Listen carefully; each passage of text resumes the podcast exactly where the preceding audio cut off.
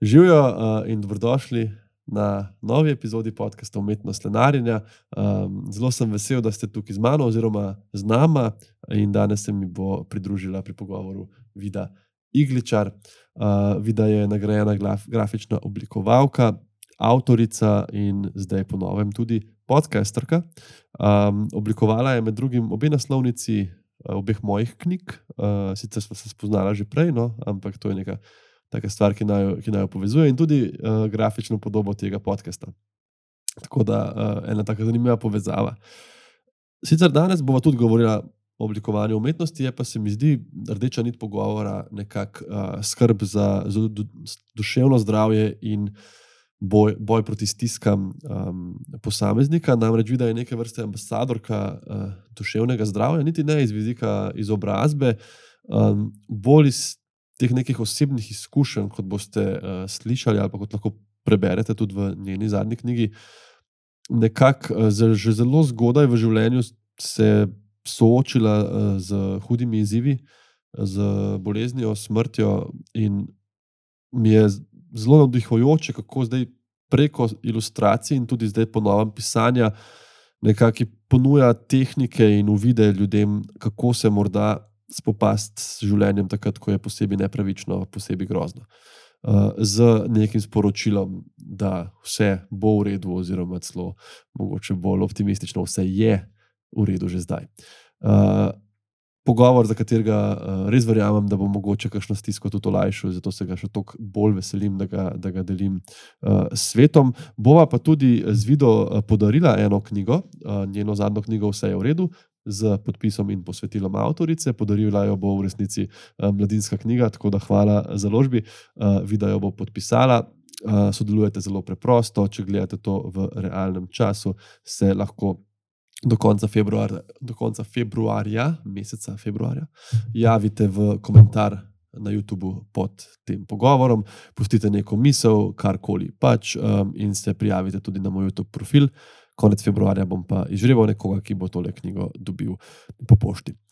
Hvala, uh, kot vedno, za vašo pozornost. Um, počakajte tudi vidine kanale, jaz bom vse te povezave pustil spodaj v opisu epizode, zdaj pa uh, uživajte tudi v poslušanju.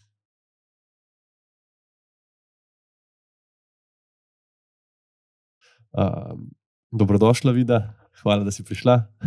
Hvala tebi za povabilo. ja, se lahko nadaljujeva pogovor. Čeprav, uh, Um, ja, kaj jaz rad, ko se, ko se tako usedem z nekom, ki pride na podcast, se ne rad zelo dolgo pogovarjam, preden začnemo snemati. Ko pa kdaj mi pomislim, ne, to je bilo fulano. Že sem posnet. To je bilo fulano iskreno, da je vas zdaj še enkrat to povedal.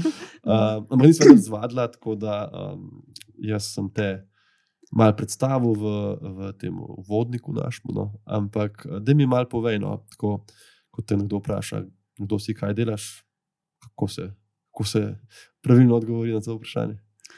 Kar eno obdobje drugače po izgorelosti sem imela, ker se uh, namerno nisem šla, začela svojega opisa s tem, kaj počnem. Mm. Zdaj se nekako trudim, da povem in ta svoj mm, poklicni del, pa tudi nekaj zraven. Um, glede poklica, se še vedno sem primarno za grafično oblikovalko in ilustratorko. Zdaj, s časom pa ja, tudi povem, da sem avtorica in da mi je nekako ta tematika duševnega zdravja zelo blizu in zelo pomembna. Poleg tega službenega dela, pa bi rekla, da sem bila od nekdaj um, zelo predana pač iskanju lepih stvari v življenju, premagovanju nekih izzivov, iskanju smisla. Um, rada preživljam čas v naravi, rada se športam. A si ti, um, hočeš kar vprašam, najprej to ukvarjanje z vprašanjem počutja duševnega zdravja, iskanja smisla. A je to tebi res od nekdaj nekako prisotno, ali se ti zdaj bila malo vržena v to? Ker ko sem bral to tvojo knjigo, drugo, ne, uh, vse je v redu. Glede na to, kaj si doživela in toliko mladih letih, uh, se mi zdi, kot da nisi imela nekako mogoče sploh druge možnosti, kot da se začneš ukvarjati s tem. Ali pa rečeš, vem, zmešali se mi bo. No? Mm, ja, težko rečem, da bi se s tem ukvarjala, če ne bi bilo vseh teh izzivov, oziroma da bi sigurno vse tudi, če jih ne bi bilo, ker so se res tako zgodaj začeli, da ja, sem se mi zdi, da sem bolj v bistvu sledila temu, kar mi je življenje dal na pot, in sem pol ob tem iskala, ne vem, ali pomoč ali neke rešitve, kako si pomagati. Se pa nisem, vsem, to se pa nisem nikoli počutila kot žrtev, kot oh, kako je bilo življenje grozno do mene in kaj mi je dal te neke težke preizkušnje. Mm, sploh, recimo, ena taka je bila izgorelost, se mi zdi, da sem zelo malo po njej vsem bila hvaležna za to, ne, da se je to zgodilo. Se mi zdi, da sem potem začela živeti boljš, drugače. In če ne bi bilo te preiz, preizkušnje, pač bi mogoče še naprej preveč delala in mislila, da mhm. vem, kaj delam in da me to pelje v pravo smer. Ja, mhm. dobro, mislim, ja. mislim da kar, kar se meni tiče. Jaz, sicer takrat, ko sem imel te nespečnosti, sem se počutil kot najbolj bogi človek na svetu. Uh, sem pa pa recimo razmišljal, kdaj, da če ne bi imel tega, mogoče ne bi napisal pač svoje druge knjige, ker se ne bi tako poglobil ja, ja. v to. Um, tako da te izzivi se ne vem. Ne? Jaz tako ne rad rečem, vse je za nekaj dober, um, res ne rad. Ampak se mi pa zdi, da tudi ti v knjigi citiraš Viktorja Frankla, ne? ki nam je očitno zelo obema ljub. In ko bereš njegove teze o smislu in o, o nekakšnem življenju, in se zaveš, da je to napisal medtem, ko je bil zaprt v koncentracijskem napisu, na umil, pa potem napisal medtem, ko je bil zaprt v koncentracijskem taborišču. Si res rečeš, mogoče pa lahko ustrajamo na nek način.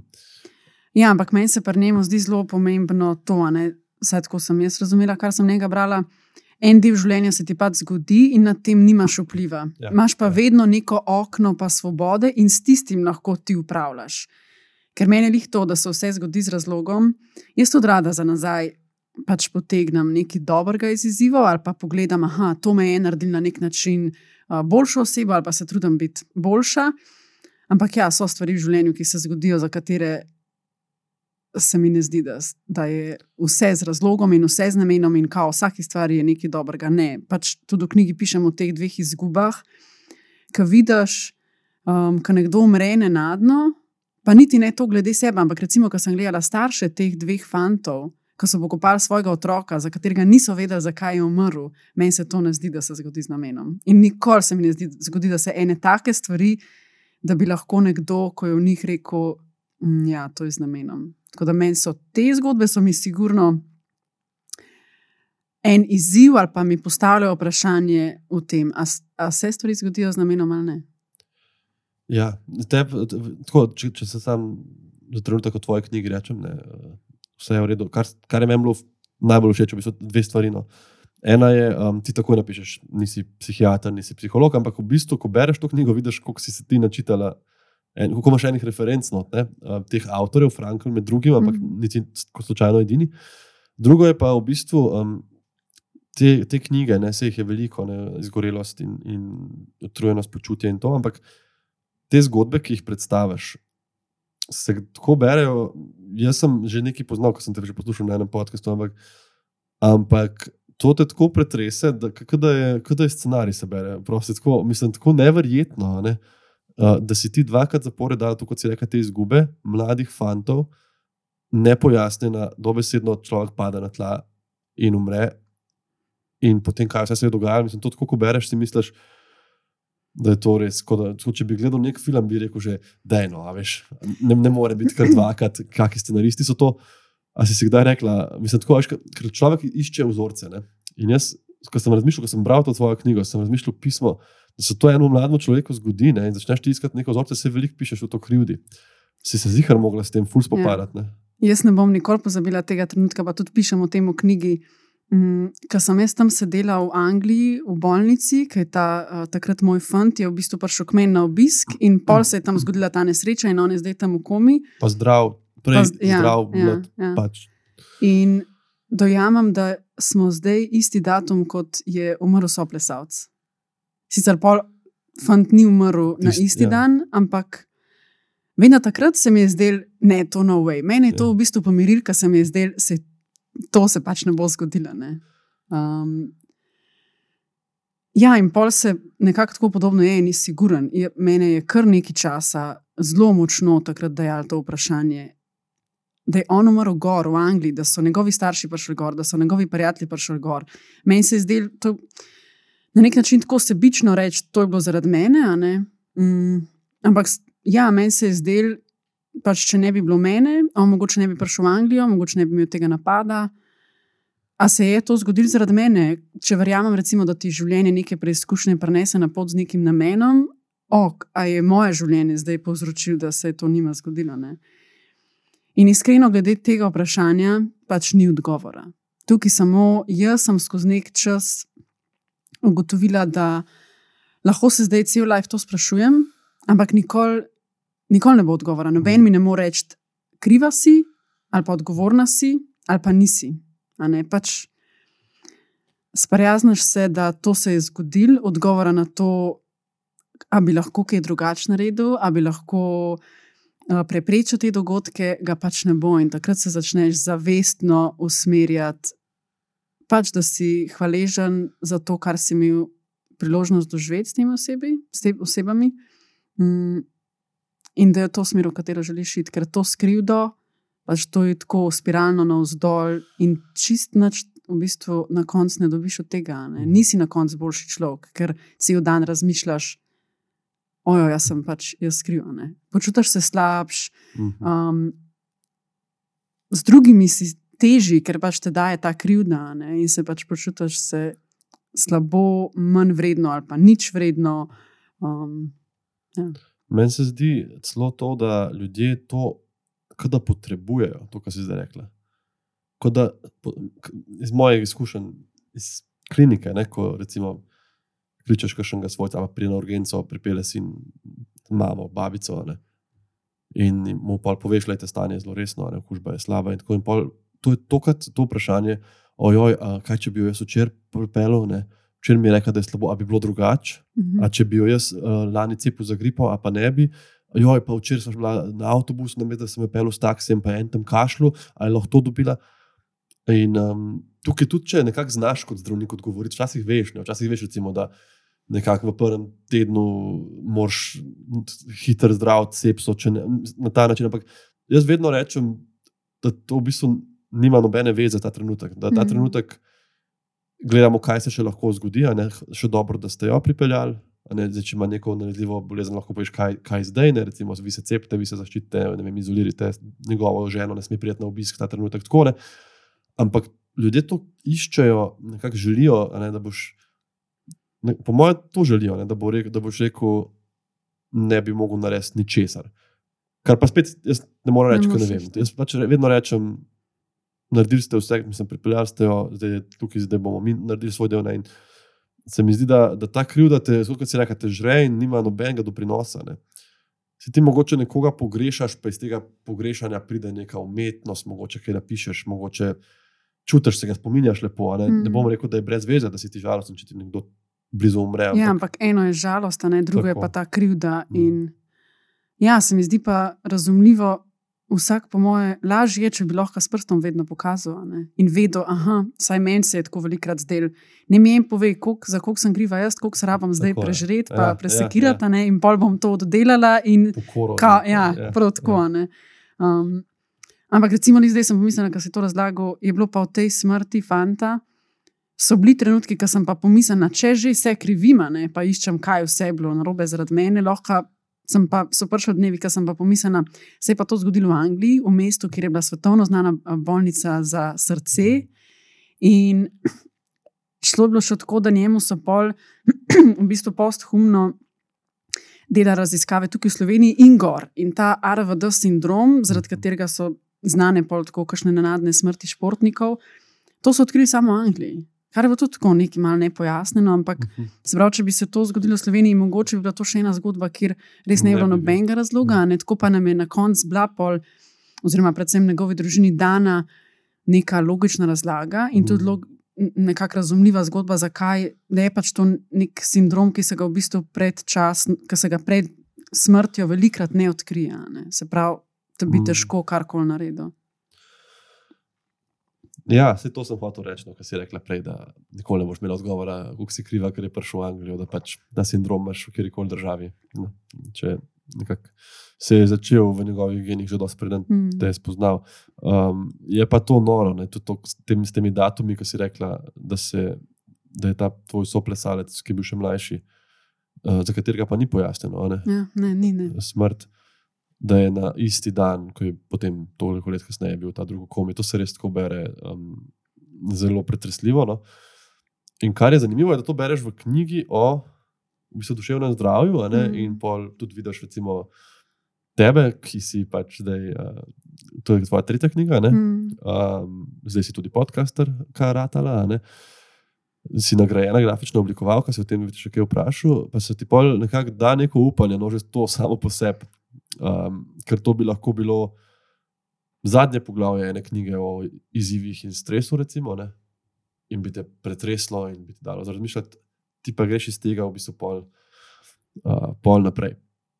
Uh, in je ta drugi del knjige zelo pomirujoč, ampak v enem sem pa tako, veš. Mislim, človek, pa se veš, bereš rad trilerje in tako. In ta mm. akcija, ki je bila tam, jaz sem kar bral tisto poglavje in sem bil tako, wow, ne, kaj se je tebi vse zgodilo.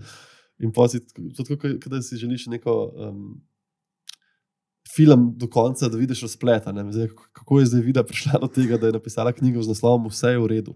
To se mi zdi tako prelomno, sem rekel, to, to te moram vprašati. Ja, drugač ta naslov. Um, to je prišlo zelo pol, ker sem se jaz kasneje, leta kasneje, mhm. začela srečevati zdaj, oziroma zadnjih par let z intenzivno tesnobo. In meni je velikrat fant rekel, vse bo v redu. In jaz sem mhm. njega tako, še vedno imam zelo tako zatrdno osebo. In on je mene znal res v enem stavku, če sem imela jaz neko paniko. In on mene sam pogledal in rekel: Ne, pač vse je v redu. Uh mhm. -huh.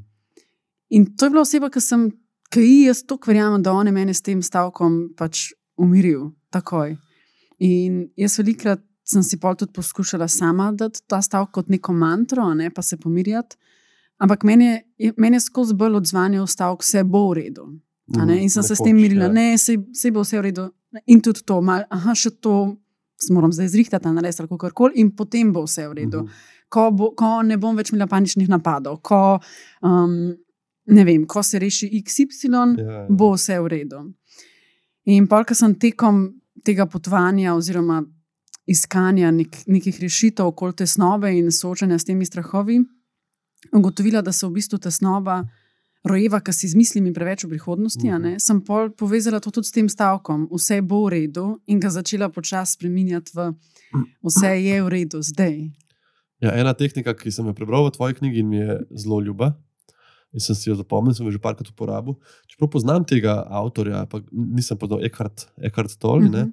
ki je v knjigi zdaj napisal, da če imaš te misli, ne, kako bo enkrat v redu, pa kako bo ne vem, nek projekt velik, pa kako bo stres, nek stresor. Recimo, razmišljaš, ko imaš jutri nek pomemben sestank, se lahko vprašaš, kaj točno me ogroža v točno tem ja, trenutku. Točno zdaj, ne, ko ni še tega sestanka, pa ni projekta, pa ne vem nimam še tistega izvida, kaj je narobe. In pol veliko vidiš, da sediš v sobi in je tako toplo in udobno. Je. In tle je nek človek, ki ga imaš rad zraven, sedi ali pa kuha nekaj jajca, si delata za večerjo in je vse v redu.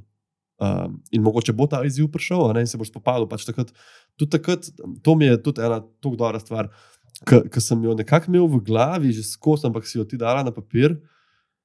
Kako v času, ko so, mislim, da si prav, prav izpisal ta, ja, se pravi, to je ravno to poglavje prepuščanja, ko govoriš o tej izgubi, o smrti, te, ta tek na avtobus, zelo tako ful, dramatično. In pol si napisala, izredne razmere nas vrnejo v sedanjost, takrat ni časa za strah pred nečim, kar se morda bo ali ne bo zgodilo. Prav tako ni časa za razmišljanje, kako bi bilo, če bi se nekaj, kar se je že zgodilo, odvilo drugače. Se pravi, tesnoba se v situacijah, ki od nas zahtevajo prisotnost, umakne. To se mi zdi tako važna misel. Ja, in tudi jaz, če sem včasih, če bi meni zdaj en rekel, enkrat v življenju se ti bo zgodil, da bo tvoj bližnji v umetni komi in tam boste deset, deset dni boš čakala, kaj se bo s tem razpletel. Meni bi se izbireka, meni se bo nekaj deset dni zmešala. Ne? Ampak ja. takrat, ko se je pa to dogajalo, je bil pa v bistvu življenje na nek način zelo enostaven. Zjutraj sem ostala, smo se pač. Sem se oblekla, tam so bili še njegovi starši, pa moji starši, in smo šli v bolnico, in smo bili tam v bolnici pač en dan dobili novice, en dan ne, en dan slabe, dobre, in pač dan se je zaključil. In je bilo pač vse bilo podrejeno temu. In ko se je to odvijalo, si bil čist prisoten v tistem sedanjem trenutku. Ko so, ko so dali neko novico, smo se takrat soočali, ok. je kazalo že, da bo boljš, ga bomo premestili v Slovenijo, pa je bilo slabš, pa je to bilo polno mogoče, no, okay, kaj bomo zdaj. Se mi zdi, da tesnova je pa velikrat, ki zdaj razmišljaš, v danem trenutku razmišljaš, o, kaj bo, če bo to, ne? in se ti zdi, ne, to ne bo mogoče. Takrat, ko se pa nekaj groznega dogaja, pa sem prepričan, da ti kot zdravnik, pa sebi v službi ali pa pri kolegih, jaz si predstavljam, če, če ne bi tako bilo, da v tistem trenutku, ko res rabimo se mi odzvati, če ne bi takrat telo te na nek način, a te šlo pa adrenalina, ne vem kaj, kako bi sicer ljudje operirali, pa srčne bolnike, pa tam imaš nekaj pred tabo, nujno rabiš zdaj tvojo pozornost. In takrat pač ti delaš to, kar si se prej učil. V duševni stiski se mi zdi pa, da vsaj po mojih izkušnjah je bilo najtežje. Ali vse tako, kot rečejo, ne? depresija je, ker si preveč z mislimi v preteklosti, anksioznost je pa, ker si z mislimi preveč v, um, v prihodnosti. In ja, na koncu gotoviš, da velikrat v sedanjem trenutku ki te mogoče nekaj skrbi, je pa v resnici vse, je vse ok. Tisto, kar se bo pa zgodil, mene zelo pomirja ta misel, da pač se bom s tem soočal, takrat, ko pride. Ne ja. moram se zdaj na rezervo um, pripraviti, kako bom nekaj naredila. Ne? V bistvu največ lahko naredim, da se v sedanjem trenutku umirjam, da imam neke veščine, kako in da se zavedam, da mi recimo vem, umirjeno, di, umirjeno pa globoko dihanje, da mi ja. pomaga. In takrat, ko bo tista stiska, ki bo prišla, če bo prišla, se bom v tistem trenutku pomislila, ok, kaj mi zdaj lahko pomaga. A nekoga pokličem, mm. a rabim več upore. A, a sem v neki situaciji, ki jo lahko spremenim, ali lahko spremenim sam neko svoje doživljanje navznoter. Um, hm. kaj se mi zdi tukaj zelo dobro? Ker v bistvu s časom, če si zgradiš zaupanje do sebe, ti je to še zmeraj lažje. Mm. Se pravi, če ti rečeš, ko to pride, bom to zrihtel. In recimo, da še nikoli, da si zdaj imela, kot jaz sem recimo v, na faksu prvič v življenju razvil te težave s spanjem, nikoli še nisem tega poznal in mi je bilo grozno težko. Ne? In ko enkrat daš določene stiske v življenju, čez panike, tesnobe, žalosti, izgube, in zdaj si tukaj in vidiš, da si te je to na nek način spremenilo, ampak si ne vem funkcionalen, si živ. Si, je kot da bi si neke reference službene, ja, veš, lahko citiral. Ne, ne vem, da bi banalno rekel, ko sem prvič kuhal jajca, me je bilo strah, da bom ga zažgal, in pol zdaj, ko sem jih skuhal, ne vem, 200 tisoč v življenju, ali je to, čud, ali je to preveč. Ne vem, veliko sem jih naredil. In veš, zdaj, ko si rečem, čez dva dni si bom spekel jajce, me to ne skrbi več, to, ker vem, da takrat prihodni David bo pohendil to. Ne. In na ta način jaz tudi zdaj, ko si rečem, super spim trenutno, kako sem vesel, to mi pomeni največ na svetu, ampak vem, da bo prišlo neko obdobje, ko bom zaradi ene ali druge skrbi, lahko neke otipljive skrbi mm. za, za, za nekega človeka, ki ga imam rad ali pa zase, ali pa zaradi teh skrbi v glavi, spal spet slabše, si zdaj stokrat lažje rečem.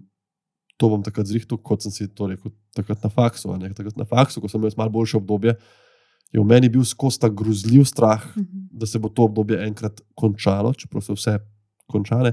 In s tem, ko si pa ti, recimo, to videla ne, za nazaj, da ste takrat bili popolnoma prisotni, kljub tej življenji mladega človeka, ki se je tam pred vami pač bilo na nitki in si lahko funkcionirala, nisi umrla, nisi padla po tleh. Mm.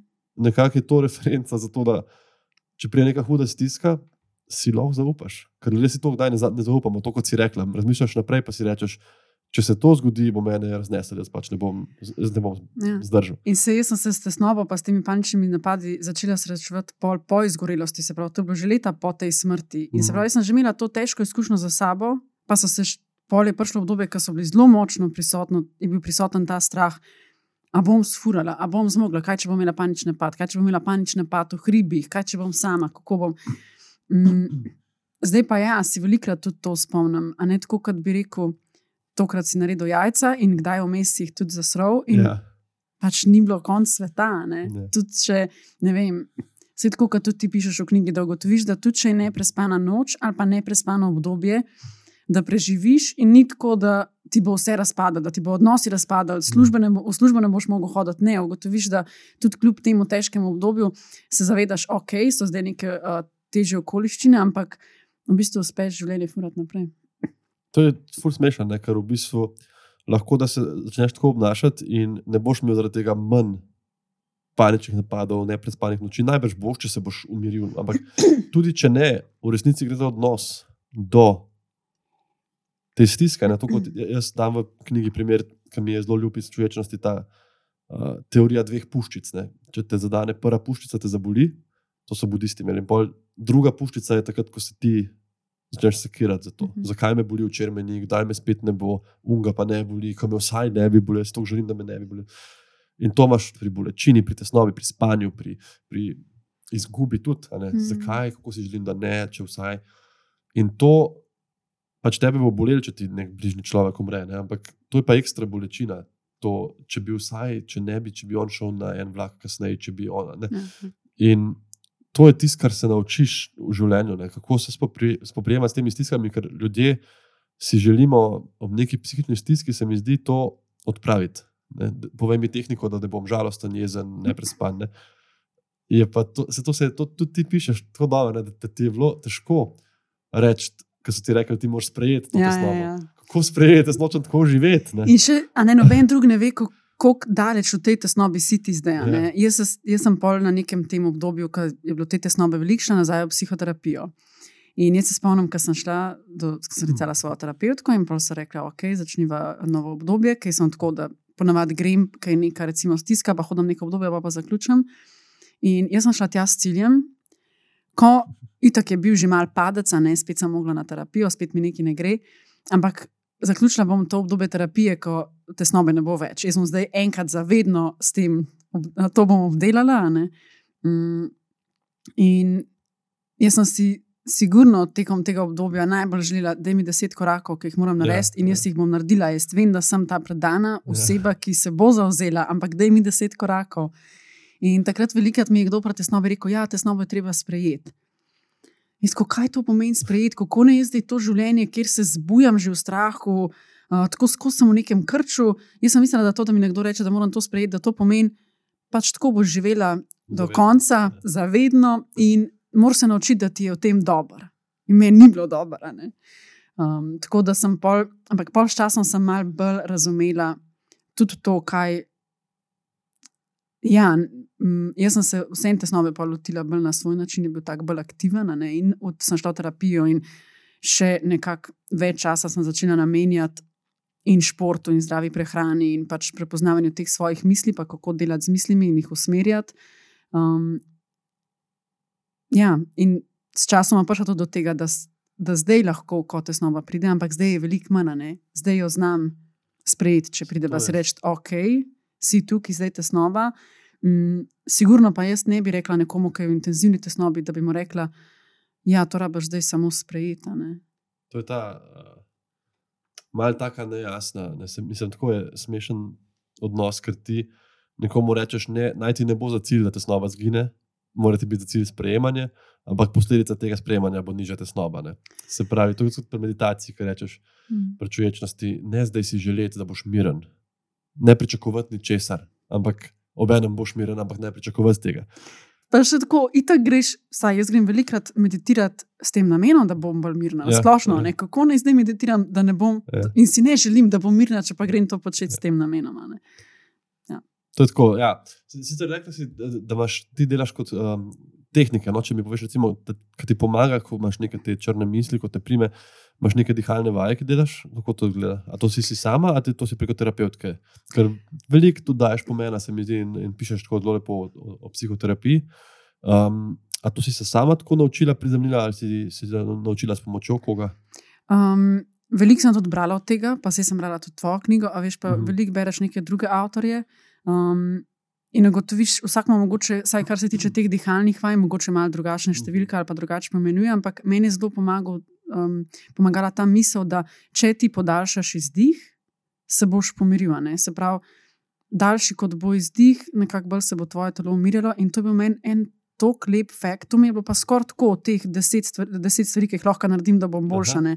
Se pravi, često opazim, da sem mogoče tesnobna ali pa nemirna, in zdaj se samo usmeram, da si jaz najraje štejem vdih, recimo štejem do štiri in potem izdihujem šest.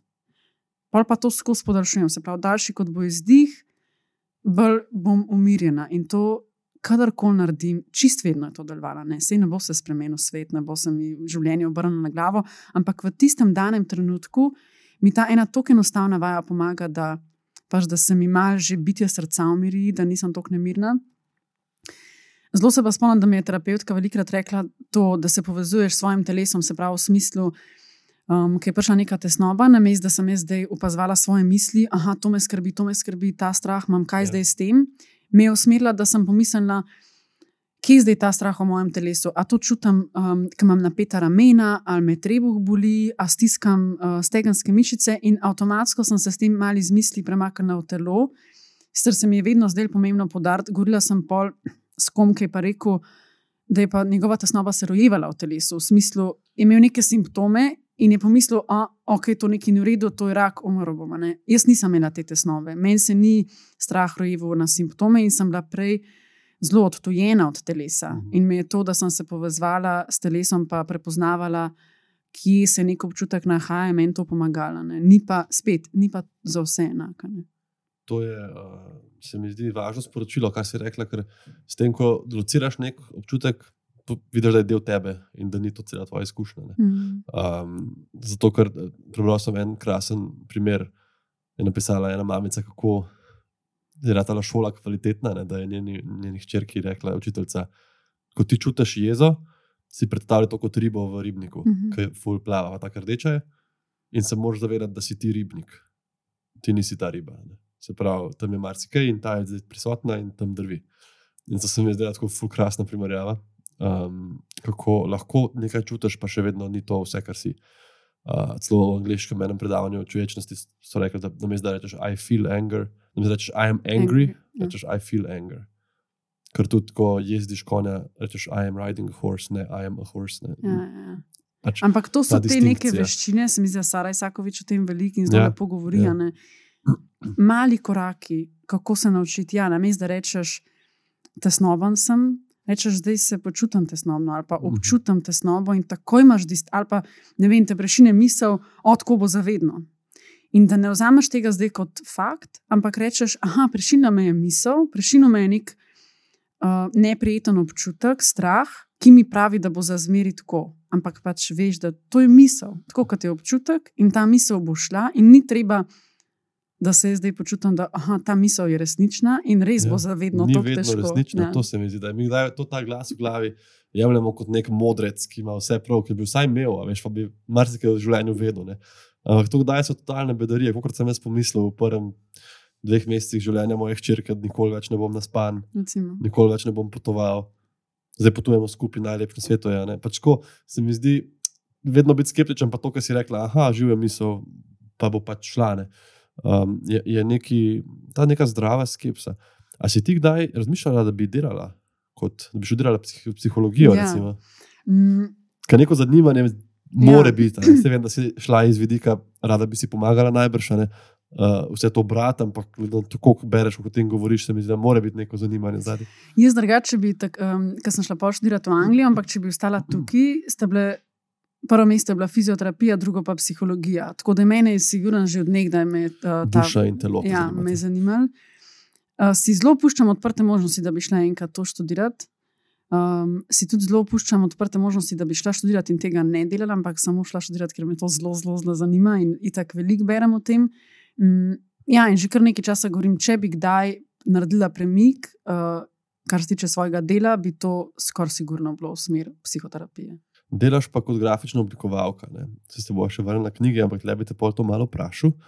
Um, a si ti ena tistih ljudi, ki reče, uh, moja služba je moja ljubezen in strast in se tako preko ustvarjanja tudi razvijaš, pomirjaš, uživaš v tem. Ali ločaš to pač, da se bom sedla, oblikovala, risala, ok, koncem z delom, pustimo te oblikovanja, vse nočem več o tem razmišljati, grem pač ne, nek hobi početi. Drugače, v boju, ki si rekel, za, boj, za bojem sem se strinjala. Po eni strani, ja, zelo uživam v svojem delu, ampak sem se pa naučila, sploh po izgorelosti, imeti zelo jasno mejo, kdaj se zapre računalnik. In pač je, račun, je neko obdobje v dnevu, ko je čas za delo, um, in namensko zdaj popoldne delam stvari, še vedno so lahko ustvarjalne, pa poslušam podcast, pa se o ja, tem ja. izobražujem. Ampak če ni z njim. Mogoče je tukaj kriterij, da ni z nekim namenom, ne? da ni z namenom, da mora biti rezultat na koncu, mora biti neko delo, ampak je sam čist, ker me zanima. Mm, sem se pa zavedam, da sem bolj nagnjena k temu, da bi pač pretirano delala in veliko svojega časa posvetila temu, tako da se kar zavestno pač skrbim, da so v, v dnevu um, aktivnosti, ki nimajo veze tudi z ustvarjalnostjo, čeprav je lahko ustvarjalnost tudi ne nujno povezana z delom. Lih obratno, ja. Ker jaz pa zelo skrbim, da bi imel čas za ustvarjalnost, ne, ker je naša služba zelo didaktična mm. in, Mhm. in ponovadi zelo ustvarjalna. Um, se pravi, ja, zanimivo je v resnici to, kako, uh, kako delaš najbrž večino časa pač tako. Ker ti delaš nekaj takega kot recimo oblikovanje mm. Ali pa podcastanje, influencerji, YouTube videi, ustvarjalci. Se mi zdi, da pa ljudje dobijo občutek, da delaš eh, samo, kar ti je všeč. V resnici pa je to, se mi zdi, od človeka do človeka različno. Ne? Eh, Nekateri delajo pač po sili razmer, sprejmeš pač kar tisti trenutek plača, če Mhm. hočeš preživeti.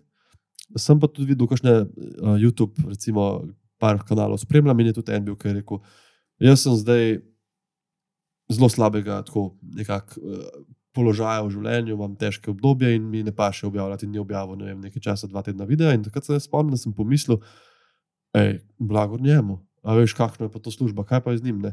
Če jaz, kot sem meni dal, ob 26 vstati, pa id s kolesom Mhm. v klinični center, pa gremo, veš, ko sem bil defenziven, kaj zdaj on tle neki, ali ni to njegov šihta, ne? pa naj snema on slabe volje. Je mogoče tle malo drugačne. On, kot nas, ko nastopaš, ne moreš nastopati, pač, ko, da, pač, da, Ja. da boš vse zamoril. Um, Čeprav a lahko si pa zdravnik, pa si tako. Nažalost, hm, ja. Nažalost smo in so. Kdaj prideš utrujen z doma, od doma stiske, prepeleš eh, dvome. Ali si imel pa meni to najhuje, ker imaš kakšen zaplet pri bolniku, ki se ti vleče še 3-4 dni, 2 tedna, čakaš, kaj bo, če bo, in vmes skozi moraš delati, če isti dan moraš delati naprej. In ne moreš pozabiti tistega, in skozi o tem razmišljaš, in to vlečeš za sabo, to je meni nekaj najhujšega. no. No, in meni je tudi to nekaj, kar je pa tudi meni nepredstavljivo. Pač nas, nimam tega in Ja. si ne predstavljam, kako. Mm, ali pa ne, ne vem, še nekdo, ki gre pa recimo pol operirati, se pravi, on ima že v glavi nekega tega pacijenta, ki gre mm. mogoče nekaj narobe, zdaj se mora pa še zbrati, da gre operirati, ali pa ti, ki razlagaš, da si dežuren 24 ur, ampak zdaj moraš še malo delati, ne, Ja. ne greš domov počivati. Ampak tle je tudi ta element krivde, ne, ki pa je, až to je pa huda krivda, ker je krivda v resnici nekako na mestu. Mhm. Uh, Máš ti zapletne, recimo, daš zdravilo in 3% ljudi bo alergičnih, ker ne veš, ne moreš vedeti, kdo bo in on je in ima nek hud zaplet, ampak imaš pa enostavno se zmotiš. A veš, ne pomisliš, spregledaš, pozabiš, zamenjaš imeno, imena v glavi teh tisoče zdravil. In takrat si pač ti kriv. Veš, če bi en drug bil tam in bi to pomislil, ali pa pač, če bi ti bolj pomislil drugače, ne bi ta človek pač se mu boljše išlo. Kako In pa ti s temi mislimi pol upravljaš? Ja, to je zelo, zelo težko.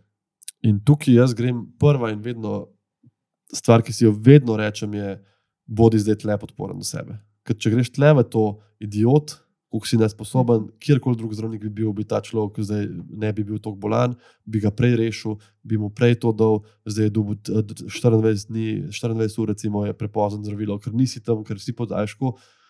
To pa je res, da sem pozabil, a veš, pa mogoče kdo drug ne bi, se je. Ampak to je tako destruktivno in tako nikomu ne pomaga. In tle moram pohvaliti tudi stroko, nekako našo, in um, tudi težko, pa se pač razišče, kaj je bilo, imaš pač odklon, se temu reče.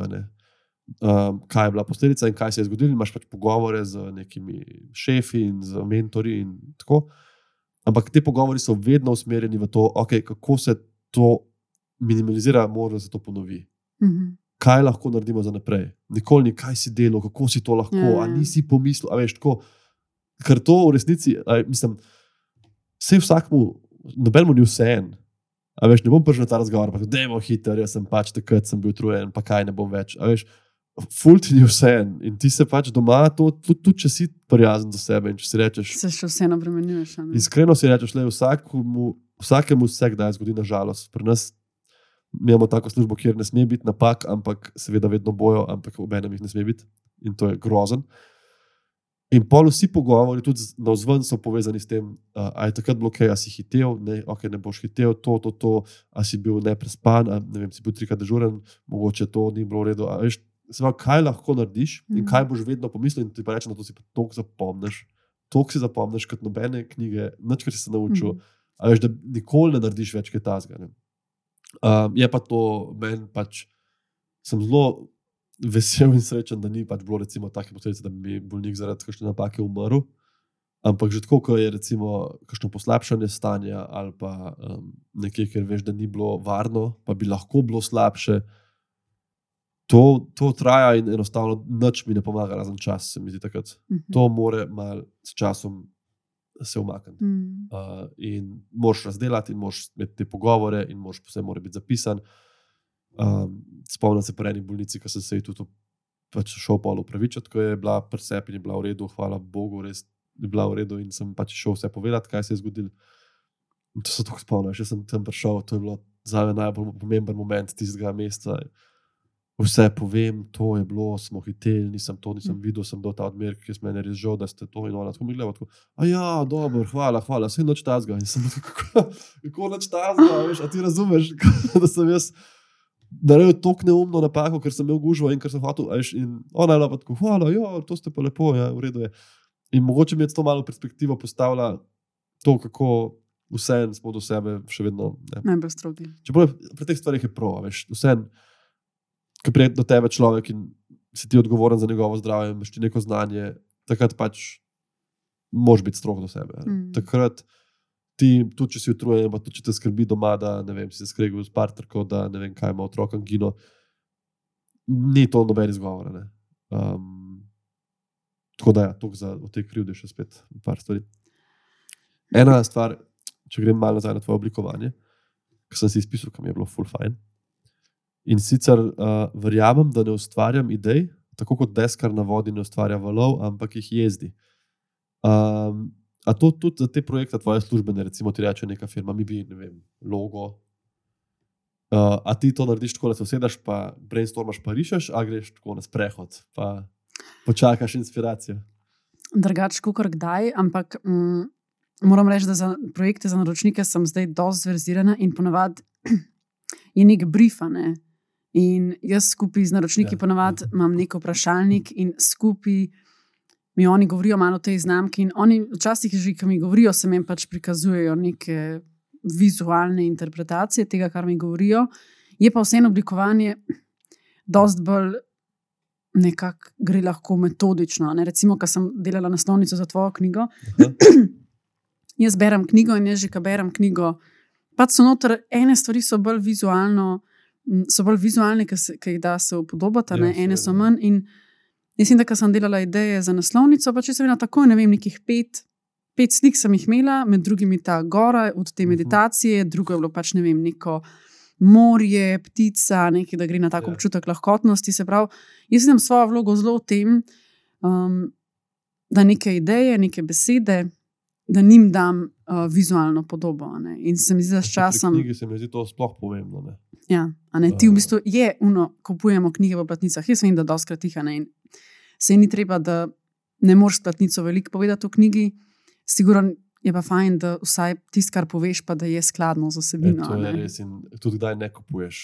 Mislim, jaz se spomnim, da bil sem na knjižnem sejmu in sem videl eno knjigo, ki jo želim prebrati, ena fantazijska. In jaz to, o, super, pa fantazijska imam jaz rad v fizični obliki, ker imam Mhm. eno polico, kjer pa polih izlagam in tako. In vzamem tisto roko in sem, ti povem, da sem gledal tisto in sem rekel, jaz bom to na Kindle, ker pa pač tudi e-bralnik, mm. -hmm. si bom pač kupil tam. Tako čez, ne samo, da je bilo naslovnica čist banalna, ampak tako čez pol naslovnice je pisal, now a Netflix special, soon Aha, to be. aha. Sem bil tako, pa da, a veš, to bom zdaj šel doma, bom na policiji, bom vzel knjigo in pisal, da lahko gledam televizijo. In se mi je zdelo tako to glupo, da, da me sama platnica, tukaj se mi zdi Ubila. velik marketing fail, v resnici. Se lahko daš ti neko. Tukaj imaš folijo čez knjigo, pa gor na popi ti Netflix, če Ja, hočeš, da bo to koga pripričal, če, če kdo za to bere. Ne. Ampak se mi je zdelo tako brez. No, zdaj ti lahko vprašam. Obe moje knjigi si v resnici uh Mhm. -huh. dizajnala. A si dobila kakšen brief od založbe, zdaj mi lahko poveš, kaj more in kaj ne sme uh, biti. Druga, za drugo, sigurno ne. Aha, Drugo sem jim sam poslala vsebino in sem jo prebrala, za prvo pa ne vem, smo, to se zdaj ne spomnim, smo pred ustvarjanjem ali pol govorili. Um, vem, da smo dorekli, da ne bomo dali korone na naslovnico, ne? da ne virusa bomo neki oblike, ne. virusa. Ja, ja, to sem ja, že tako da rekel, ne bom, da ja. pametno. Ja. Um, To, da smo pa pol dorekli, da bo portret, pa v bistvu ne vem, smo se zdaj ne spomnim, bi mogli prav pogledati, ali smo daj poskušali kakšne druge smeri, ali smo šli takoj v portret. Mislim, da, mislim, jaz, vem, jaz spomnim, da so mene vprašali, če bi imel svojo sliko. Pa sem rekel, da mi je ful neprijetno to, da ne bi imel slike na naslovnici. Pa, pa mislim, da me je urednica Urška, da me je vprašala, če, kaj pa če te vidi na riše. Pa se mi je zdaj pa tako ful dobra ideja. To sem pa rekel, lahko probamo. No. Um, čeprav nikoli nisem bil čisto procentno za tem, da sem na naslovnici. ne vem. Mogoče, ker nisem nikoli imel knjige, kjer bi bil avtor. Ne vem, tako doma, sem pa malo razmišljal. Ne. Mhm. Od knjig, ki sem jih bral, ne vem, če sem kdaj, pa veliko teh knjig je v resnici, da so avtorji na naslovnici. Ampak ne vem, ni, ni mi bilo tako prijetno. Zdaj mi je, se mi je ful krasna naslovnica, se ti lahko povem, in vse, ampak, ampak um, druga mi je pa v resnici bila pol na koncu še bolj všeč. No. Ker je lih to, da tukaj se je neka ideja. Pa se je, ne, v moji prvi knjigi je tok iz mene in iz te moje izkušnje zdravnika, da je ta ideja zdravnika na naslovnici čist le, legitimna. Ne. Ampak da bi pa samo zdaj na drugi pač se jaz smehljal iz naslovnice, kao, zdaj te bom pomiril, se mi je zdaj pa ta, ta element gore, ful pomemben. No, ampak to je, se pravi, ti, si, ti prebereš knjigo in potem vmes dobiš idejo. Ja, je pa, se mi zdi še bolj praktičen nek postopek, je pa tudi. Um, Greš delati research. Ne? Ne vem, to zdaj ne toliko za knjige, pač pri knjigah veliko Za res preberem. pa iz- ne? Ja, za podjetja pa recimo, mm, ne vem, oblikujem neko embalažo. Pač greš valjda pogledati najprej, kako to podobno rešujejo drugi. A so neke barve, ki so primerne za to uh, področje. A bomo zdaj šli s to barvo zato, ker je primerno, ali bomo šli jih namenoma v kontrasmer, da bomo Aha. drugačni. Mhm. in začneš z nekim researchom, post, ne vem, izpisujem neke ideje ali pa malo skiciram, in pol je to zelo tako, tak proces, ki mu pač research, začetne ideje, eliminiranje idej, tistih, ki niso dobre, shraniš tiste, ki imajo nek potencial, te razviješ, predebatiraš z naročnikom in gre tako zelo korak po koraku. ne. Kar se tiče pa pisanja knjig, je pa vsaj pri meni zelo iz. iz Vedno so vse do zdaj so nastale kot reševanje svojih težav. Ne, ne kot, o, se bom usedla, zdaj bi Ja. pa jaz napisala knjigo. ne." Jaz si niti ne predstavljam, kako bi bilo pisati fikcijo. Nih to, se pravi, pri fikciji pa v bistvu. Ne, se ti usedeš in ti si zdaj zamisliš Ja. nekega junaka, Ja, neko ja. srednjo zgodbo in mu začneš dodajati uh, elemente. In pa moš poskrbeti, da je tam nek zaplet, pa da ne, Ja, da ne ja, rečeš ja. enkrat ima rjave lase, pa ima črne lase. Tega si pa v bistvu tako dosti ne predstavljam. Mi je uh, veliko lažje pisati iz sebe. Ej, a, zanimivo, ko si to rekla. Ker jaz um, tudi obe knjigi, ki sem napisal, so bile zelo iz mene. Ne? Pišem zdaj tretjo, ki bo spet podobna. Ampak um, pišem pa tudi fikcijo. Se mi je zdelo, ne? ker res, si, jaz si pa tebe predstavljam kot človeka, ki bi fikcijo tudi pisal. Pišem fikcijo že več kot en let. To mi je tak projekt, da veš, ki nima da, datuma, nisem si do nobenega roka, vem, da lahko še čakam, da lahko še pilim. Ampak to je meni tako dobro. Lih, lih to, kar si zdaj opisala, mi je tako najlepše, da si ti in je tako prazna stran. In pa napišeš nekaj, in ko prebereš jutri še enkrat, si predstavljaš neko ulico, ki gre tako zelen smog ven in tam en hod, ki ima neko agendo in ima ime in šepa, zakaj šepa. In ustvaril si, in pa smo imeli testno branje uh, s petimi prijatelji, prvih sto strani tega romana. In a veš, ko smo to na, gla, smo na glas brali, kar je tudi fulano, če kdaj kdo piše kaj ali pa tako in hočeš videti, če se vleče tvoje pisanje, Mhm. preberi na glas. Mhm. Ker ko bereš tako, malo skačeš pol naprej. Mm. Mm. Ko pa govoriš, pa ne moreš, in pol, če, če poslušaš, pa si malo tako, oh, da bomo malo hitreje, mogoče tam kaj za spremeniti. In pol, ko so to brali, so kar naenkrat oni bili del tega sveta, pa so bili tako, uči, kaj je bil un glas, a misliš, da je od tega, kako je to, kaj bo tam. Je sicer to um, čist drugače. Se lahko sedem, pa napišem dva poglavja sive cone, recimo iz sebe. Tam pa to, kar si rekla, veš, imaš zapiske, imaš skice, aj mi unarjave lase, jaz se nimam bav nečesa. No, kako si se batilo do in- te fikcijske? A si imel tako neko osrednjo, osebnega Ja. ja. karakterja? Jaz sem že tri leta približno, sem imel v glavi eno zgodbo, Mhm. ki se mi je porajala, veš, tako kot ko gledaš neko serijo, igraš igrice, neke računalniške filme, gledaš in pa imaš neko svojo idejo, kaj bi lahko bilo. Se je meni razvila neka ideja, ki se je počasi pila. In jaz sem si zabeležke delal na telefon, kdaj, imena, obrate. Mhm. In nikoli nisem rekel to vmes napisal, ker se mi je zdelo prvič, um, vedel sem, da ne bi mogel, mislim, da ne bi rad v slovenščini in mi je bilo že to dodaten izziv. In drugič, veš, knjiga je pač bila tako. Veliko ljudem je, se mi zdi tako nemogoče, ne, jaz ne morem. Pa sem pa napisal pač knjigo, In s tem sem si dokazal, da, veš, Da je mogoče. lej, pač probi. a ne. Sem rekel, to delam. pol- Zdaj pa je tako veselje, da tudi če ne bom to delil s širšim svetom, ne, mi je toliko v veselju ustvarjanje te vsebine, to kot bi risal. Sam da, a veš, rišeš v glavi, mm. -hmm. to je ta en moj ljubših avtorjev uh, fantasy, Brandon Sanderson je rekel, da je to neka nora povezanost med avtorjem in bralcem, da on ustvari nek svet in potem nekdo na drugi strani sveta to bere in ima ta svet v glavi Mm. ki prej ni obstajal za njega. Tako da um, mi je to, veš kaj je fajn, ker nisi vezan na ta svet. A veš, ko napišem, uh, bil sem v Pragi in sem šel po ulici do vodnjaka, sem tako, čakaj, je ta ulica, a je tam vodnjak še, a je bil spoh tam, a jaz to narobe zdaj razmišljam, mm. -hmm. tam si pa tako, da to je moje mesto, tam je vodnjak, če hočeš ali ne, na ta način. Ne. Lizan sem um, pazila uh, od hčerka od prijateljice in so tam brali malo Harry Potterja in je tam to neko gledalo, ki je Harry Potter noter videl svoje starše. Pa ne vem, zdaj, Ja. če se prav spomnim, je to tako, da je vsak lik noter videl to, kar si je želel. a Kar ne. si najbolj želiš. Kar si ja. najbolj želiš. In pa sem jaz njo vprašala, No, kaj, uh, kaj bi ona videla v tem gledalu. In v fulepo, ker vidiš, kako je ta otroška. Mm, ja, pač čist je še pristno Ja, in ja. brez omejitev, in je on razla začel razlagati o unikornih in o princeskah, in pa so šli risati to. A Ja, in je v ful tako ful res dobro. lepo. a Ne? In mm, sem jih hotela spodbuditi, da ne vem, pač tam je zdaj ponarisana nek grad, pa unikorne, pa tako, pa sem pa hotela, da riše še ne vem, več elementov. In sem sprašvala, kaj je še v tem sanskem svetu. a ne. Je rekla, tako drevesa. Drevesa letijo. Pač si po, si, zakaj si ne bi v domišljiji podirali teh idej oprijemljivega in realnega sveta? Ja, ne. Ja, ja, ja. In pol najboljše, ko ti enkrat zalaufa tudi ta domišljijski svet, raziskuješ, ne pišeš. Te veliko, kar sam mal vod. Hudo. In si tako, wow, zdaj pišem, ker me zanima, kaj bo naredil ta lik. Veš, Uh, zanima me, ali bo najdel tisto, ali bo najdel neko drugo stvar, ali bo se s kom zaljubil, ali bo koga ubil. A, ne, a veš, mm. In tako, no, mislim, no, no, no, ena najboljših na svetu, ki lahko daš človeku, je, da ne piši iz vidika, kdo mi bo izdal, kdaj mi bo izdal, kdo bo kupil. Ampak če ti, če ti je to veselje, malo piš zase in s tem se postaješ boljši. Tudi ti si najbrž risala, preden si prodala svoje prve logotipe. a ne, In, in postaješ boljši, in hkrati vidiš, če ti to res paše. No. Um, ker ta Brandon Sanderson, recimo, je napisal 12 romanov, celih roma, 12 romanov, preden je prvega prodal. V Ameriki je to tudi težje. No. Tako da, um, da mi ti na kratko predstav te tvoje dve knjige, zdaj bo govorila o teh dveh, uh, 100 dni za boljšo sebe, pa vse je v redu, um, ker sta vseeno malo bolj leposlovni, oziroma uh, pač sta bolj leposlovni kot, kot tvoja tretja. Si rekla, da si izhajala iz nekih stisk svojih, ali je pa bilo to, terapevtsko, ali si tako čutila, da bi rada delila to z drugimi, da njim pomaga? Mm.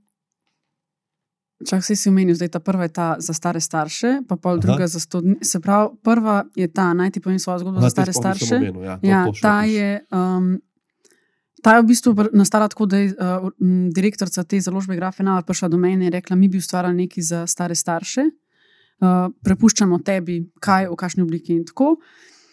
Um, s tem, da tam je bilo najbolj, največja dilema, je bilo, kje teme odpirati, kako naslavljati, da vključimo oba stara starša, kaj če je recimo en pokojen, kaj če sta ločena in tako. Ampak to je v bistvu je bilo Vel, veliko dela je šlo pač v ilustracijo.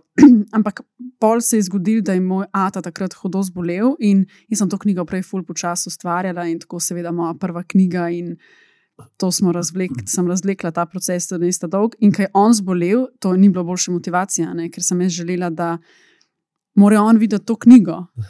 Tako da se je tudi malo vsem prepletel z mojo osebno zgodbo, pa sem izhajala tudi iz sebe, želela, predstavljala sem si, kaj bi želela od njega izvedeti. Um, no, pol ta 100 dni za boljšo mene je pa nastala v bistvu, če zdaj, ko včasih mislim za nazaj, mi je bizarno, da sem se, no, se po drugi strani pa klasično v mojem stilu. ne. Jaz sem si prav po tej izgorelosti, ko sem se vrnila nazaj v službo.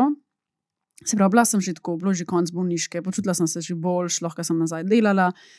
Ampak velikrat se mi je zdelo, da sem tako ali otožna, ali me stvari skrbijo, ali pač pogrešala sem več nekega tega zagona do življenja, do stvari, ki sem jih rada počela.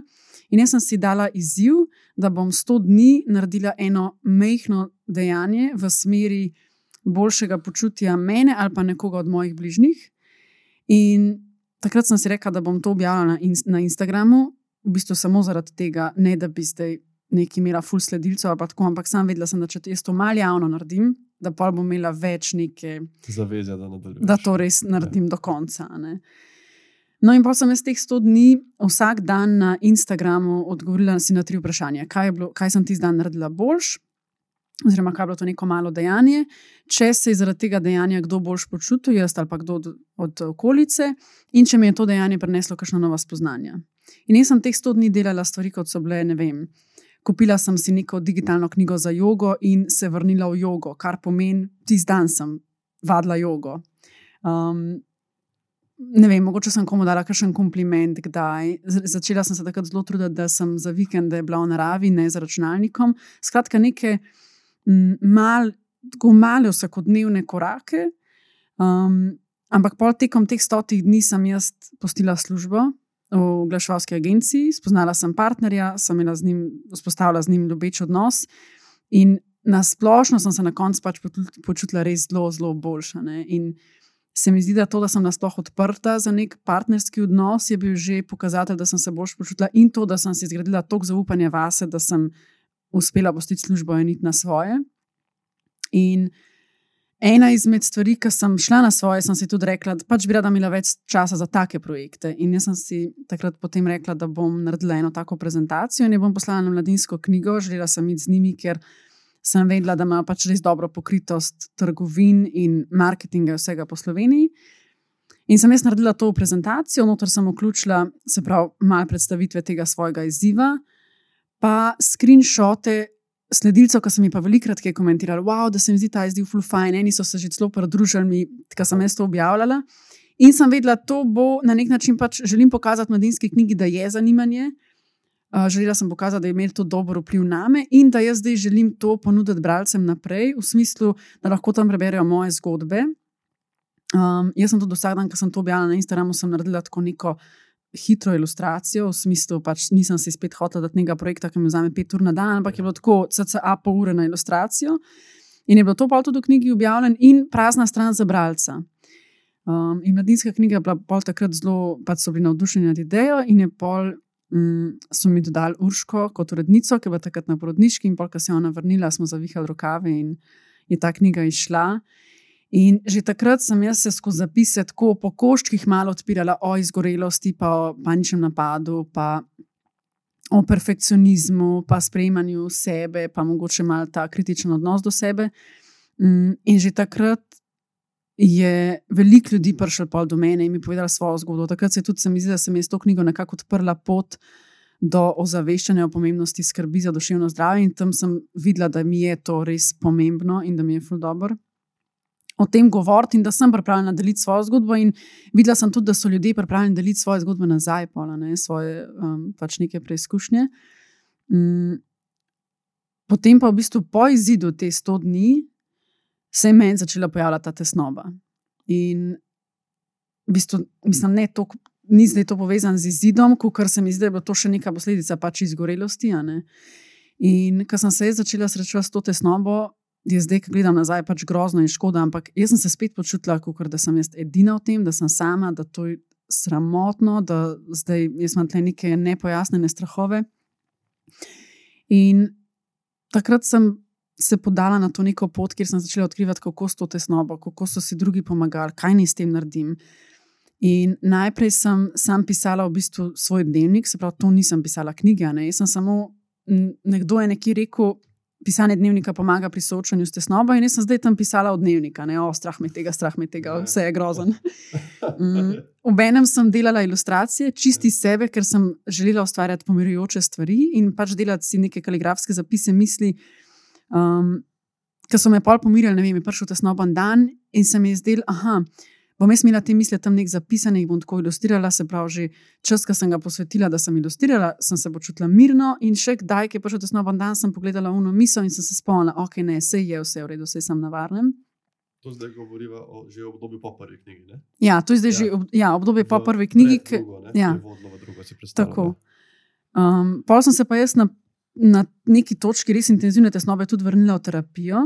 In takrat se spomnim, da je z mano bilo zelo to vprašanje, odkje ta tesnoba in zakaj jaz to zdaj kao prvič doživljam. Meni se zdi, da je to za me čisto novo. In pol sem se pa začela malo vračati v preteklost in pač dejansko ugotovila skozi spomine za nazaj, da je meni že v osnovni šoli velikrat tako bolel trebuh in da mi je ta tesnoba v bistvu bila dosti znana, sam da ne vem, ali sem se to kot tujila od telesa ali sem to nekako potlačila, da pač sem mislila, da sem se zdaj na novo s tem soočala. Pa je bilo to neko obdobje terapije, veliko sem brala, in na neki točki sem v bistvu začela pisati zgodbe, svoje te preizkušnje in kako je bilo to s soplesalcem, ki je umrl, pa pol s fantom. In na neki točki sem napovedal, tako, da jaz pa moja zdaj pač pišem knjigo o tesnobi in hkrati se vračam v izkušnje nazaj, ki so me pomirile, um, te preizkušnje. Uh, soočanja z izgubo so mi dajale na nek način vedeti, hej, pa se izmoriš, si dala že ful sta stvari rekla, skozi. Ja. Ja. In ja, na koncu, polka sem jaz to tesnobo nekako začela bolj obladovati, um, se mi je zdelo, ok, jaz bi rada to pokazala drugim, da v tej stiski, pač v tesnobi, v depresiji ali v soočanju uh, z minljivostjo, pač da niso sami. In vedela sem, oziroma zdel se mi je. Mene so se najbolj dotaknile zgodbe drugih, ki so bili res iskreni, ki so znali točno povedati, grozen je bilo, panični napad, misliš, da boš umrl. Mm, Da bi res napisala zgodbo čim bolj iskreno in da bi se lahko čim več ljudi pač res poistovetili v Lizanč. Mi recimo je napisala, da je bilo všeč, ker sem od izgorelosti pisala pač res simptome, fizične, kakšni so bili, sej to je diagnoza, ki ima vsak mal drugačno, ampak v enih elementih, recimo tako kot so prej v krivdi, pač če tudi pride iz drugih razlogov, iz drugih okoliščin, občutek krivde, se mi zdi, da se, počut, da se občuti podobno. Ne? In če ga znaš besedah opisati, um, to sem si želela s knjigo, da bi se nekdo prepoznal noter in bi si rekel: Aha, jaz se tudi tako počutim, ona se tako počuti, se pravi, sam nisem v tem, ne? še nekdo je tam, ki je to doživljal. In hkrati sem želela, če tudi veliko pišemo o preizkušnjah, da pač je to knjiga, ki ima pozitivno noto na koncu, ki usmerja v to, da ne pozabimo, da so zunaj ful lepe stvari, ki se dogajajo v svetu. Um, ampak ja, da je na nas, da si aktivno pogled usmerjamo tja, kjer je pač naš smisel in kjer se dogajajo stvari, ki nam pomenijo in nas navdihujejo. Uh, super, veš kaj me zanima? Naslov. Ne? To se mi zdi tako malo provokativno, zdaj vprašanje. Uh, naslov je vse je v redu. In se mi zdi, da ljudje, to se zdi, že zasledila, nujno na te vezano na kogarkoli pač. Imajo, veliko ljudi ima odpor do knjig za samo pomoč ali pa za duševno zdravje, tudi mogoče zaradi obrambnega mehanizma zaradi česar koli. Um, in potem naslov, recimo, je vse je v redu. Kaj zdaj za nekoga, ki mu ni ta trenutek vse v redu, ki ima neko bolezen, ki ga boli, ki je recimo, zgubil takrat, ko je ta fant tvoj tudi ležal v tisti posti, si zagotovo ne bi tega rekla. Um, kako si prišel do tega naslova, oziroma kaj bi pol v tistem trenutku rekla? Je bilo to, a ne tudi vprašanje dogajanja po svetu, ne, Ja, kaj je to s, seveda, s ja. temi a, vojnami, pa z nekimi katastrofami. Pa tako, Mhm. a, a je primeren naslov, vse je v redu. Ampak prvo, kar bi rekla, je, da to je knjiga o mojem osebnem doživljanju, o mojem notranjem svetu in to ni knjiga, ki je družbeno kritična ali pa bi govorila o politiki ali pa o tem, ali je to, kar se v svetu dogaja, v redu. Tako da jaz upam, če bo to daj imel pomislek, ali pa bi hotel reči, da vida pravi, da je vse v redu in to pomeni, da je v redu, da so vojne. Ja, Ja, ne, razumem, upam, da bo šel prebrati knjigo in bo videl, da se s tem ne strinjam. Se mi zdi, da se mm, dogajajo stvari v svetu, ki niso v redu. To je tako, kot sem prej rekla, te izgube, ki so se uh, zgodile, oziroma te smrti. To se mi ne zdi, da je v redu. Meni se zdi, da to je grozno. ja. Um, ampak je res ta naslov prišel kot odgovor na moje notranje doživljanje in kot ena mantra, ko si v stiski. In je meni osebno pomagala. Meni je, jaz sem že odnegdaj nagnjena k pretirani skrbi, da se pač obremenjujem, me skrbi za nazaj, za naprej. In meni je ta stavek, vse je v redu, zelo pomagal. Je pa kot neka, pač jaz sem se s tem stavkom pomirila, se mi zdi pomembno, da imamo te, recimo, če si dajemo neke pozitivne afirmacije, ne, tudi recimo, se, ali pa ko se opogumljamo, da bi naredili kakšno dejanje, ki nas je strah, moramo izbrati stavke, ki odzvanjajo z nami. Se mi zdi, da nima. Lih, uh, sem poslušala pogovor s Saro Isakovič. Če si ti zdaj se ne počutiš dobro v svojem telesu, pa ti zdaj začneš govoriti, uf, sem si všeč, ne, pa to sploh ne razumira s tabo, nima Ja, smisla. ja. Mislim, ne vem, ima smisel ali ne, ampak v knjigi tudi opisujem, kako je, šlo moj, kako je šel moj proces od tega, da sem si govorila, vse bo v redu, v to, da vse je v redu, in je to v bistvu odgovor na neke notranje stiske, ne na zunanje. Sem zelo velika pripadnica tega, da se aktivno lotevamo reševanja naših težav in ta stavek, vse je v redu, ne pride iz. O, dvigan roke, ne, imaš zdaj tukaj stisko ali pa si v depresiji, ok, sej, vse je ok, noč ni treba narediti. Niti, a ne, se mi zdi, da tudi skozi svoje pisanje, pa skozi vaje, ki jih imam noter, tudi želim dati bralca v neko aktivno vlogo. In Mhm. ta stavek, vse je v redu, je res predvsem odgovor na moj notranji nemir. Ali pa na pač mogoče nemir kogarkoli drugega, da ga mal pomirim. In tudi, ja, želim si skozi svojo zgodbo, ki je imela neke vzpone in pace, dati upanje.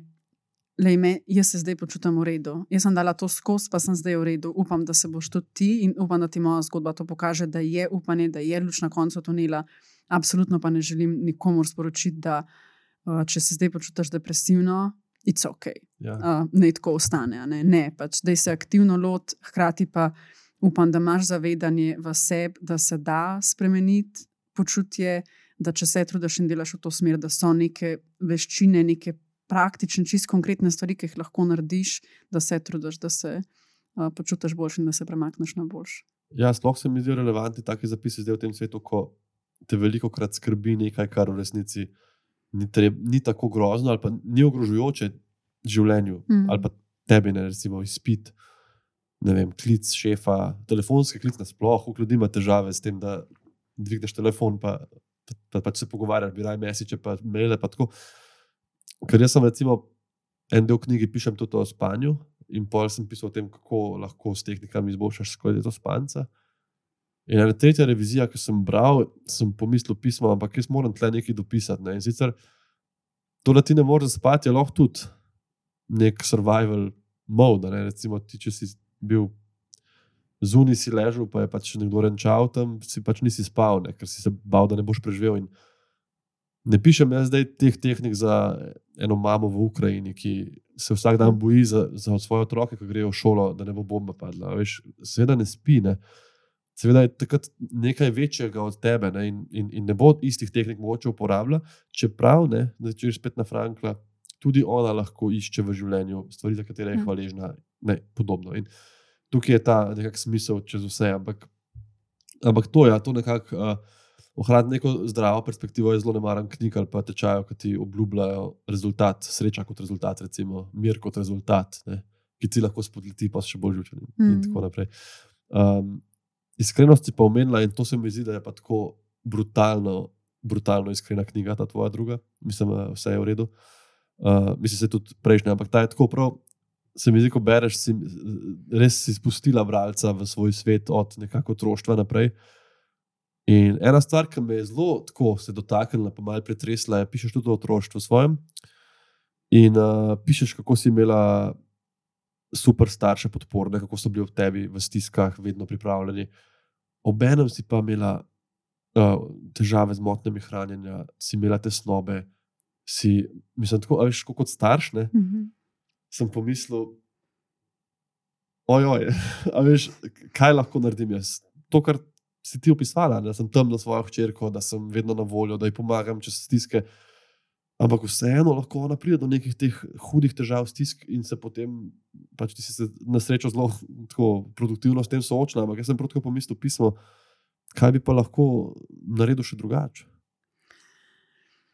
To me zdaj obizidi, te knjige so me že večkrat vprašali, kako, kako bi dala na svet staršem.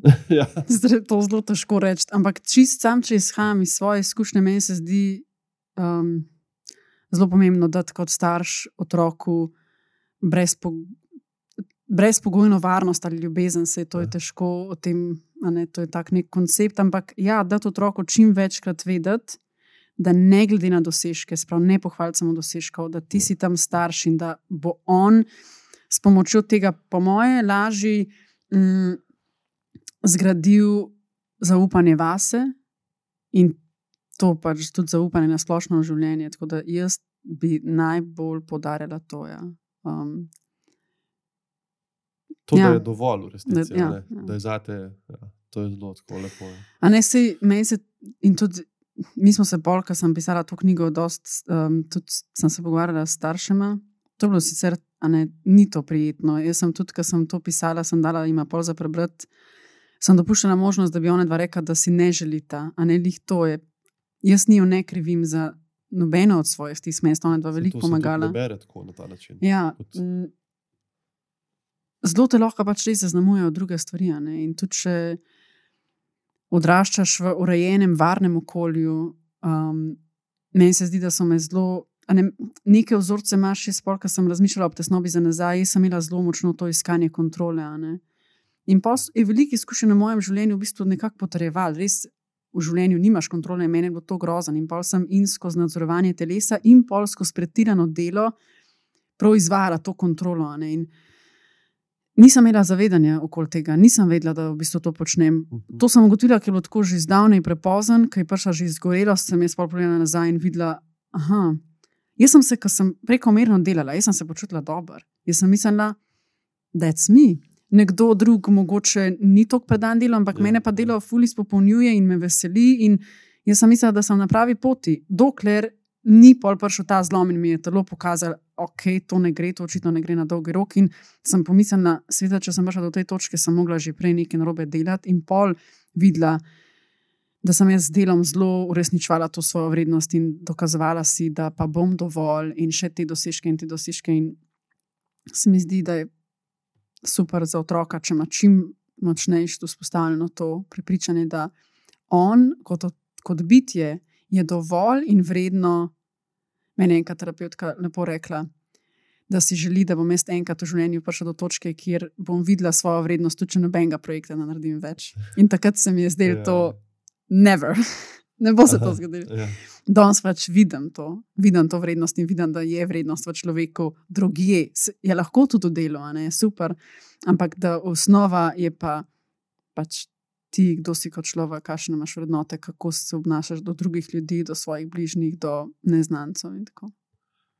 To je lep, lepa misel. In, um, se mi zdi, da to obenem tudi pomembno, kar si rekla, da so še drugi vplivi. Ne, in otrok lahko razvije hude težave, čeprav si ti krasen in podporen in vse. In tukaj je pa pol ta drugi del tvoje odgovornosti, se mi zdi, da, da si pozoren na otroka, da ga vprašaš, ne, kako je bilo v šoli tam kavča, ki bereš, ampak da si vzameš čas, da prepoznaš, da vidiš.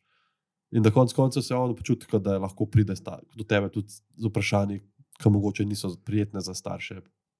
Ne vem, od drog do raziskovanja telesa, vsega. Ne. In če to urediš, je nekako se mi zdi, si zmagal. No. Se mi zdi pa prvo imeti to do sebe, a ne? pri sebi vedeti, a si dovolim izraziti jezo, žalost, vso to paleto čustev in s tem boš lažje tudi otroku dovedeti, da je ok, če si uh, jezen, če si žalosten. Tudi jaz sem to Ja. izrazil, se učimo, učiš otroka to izraziti na primeren način. Ja, tako, točno to. Zanč je moja dveletna hčerka plezala v banji, tvojo banjo, najmanjša banja na svetu. Je. Najmanjši mislim, človek, ki je visok pol metra in pač medtem, ko je not plezala, je rekla: Uh, Bog mi pomagaj. in, in jaz nisem, jaz sem se začel tako smejati, zdaj sta roba, ker noben naj tega ne govori, tudi tako te fraze, ne, ki si še po kakšnih starih starših, ampak tako, veš, ta mali človek, v svojo malo banjo lezen, ni, ne ve, kaj so davki, ne ve, kaj so veš, volitve, svet, oh, Bog mi pomaga, ker je bila voda vroča. kaj, ne. Je bilo tako simpatično in tako nekako potegnejo nas. Um, tega, ja, to je tako, ne vem, čisto ena druga stvar. Um, Bom pa te zdaj, jaz sem, Ja. imam še um, v mislih eno stvar, ki sem pa jaz tebe želela vprašati in sem jo šparala za ja. Ta pogovor. Mm, ne vem, zdaj tlele, ampak spomnim se, ne, včasih, ko berem dela drugih, opazim, koliko sem jaz ta kritična do sebe. In jaz velikrat dajem krivdo nase, glede vsega. Um, se mi zdi, da je to lahko na nek način pomirujoče, ker pa se ti zdi, da lahko ti to rešiš. A veš, če si ti kriv ja. za nekaj, imaš kontrolo spet. Ne? Ja. A veš, ko smo spet pri kontroli. Ampak, ko sem brala pa tvojo knjigo, sem si pa tle zdaj izpisala, oziroma ne vem, ali imam izpisan. Zdaj se mi je, da si um, Aha, imam stavek. Moje težave s tesnobo in nespečnostjo so se prikradle spontano, tiho in zahrbtno. Iskreno se mi zdi, da nisem naredil ničesar, kar bi prispevalo k tej stiski. In jaz se spomnim, ko sem to brala in sem si mislila, wow. Za me je tako skoraj misija nemogoče, da bi si, medtem ko jaz sem za vse svoje stiske, uh, tudi recimo za tesnobo, sem si mislila, da pač to je druga plat kovanca. Um, ne vem, na eni strani imaš visoka pričakovanja do sebe, velik zahtev, in kot posledica najbrž pride to, da ne vem, imaš take pa take uspehe in rezultate, ampak zraven pride pa pač tudi del enega sekiranja in skrbi, pa meni šlo mogoče v tesnobo, pa tebi v nespečnost. A si ti res bil tako močan v tem, da se tukaj nisi krivil, oziroma da nisi videl, um, da si res lahko rekel, da se ti zdi, da nisi ti pripomogel k temu? Ja, dejansko jaz, um, to je sicer ta del, ne, je kot uvod v del, kjer, kjer je ce- celotna poanta tega, to, da se ljudje kdaj do sebe krivimo, tudi kadar nismo krivi.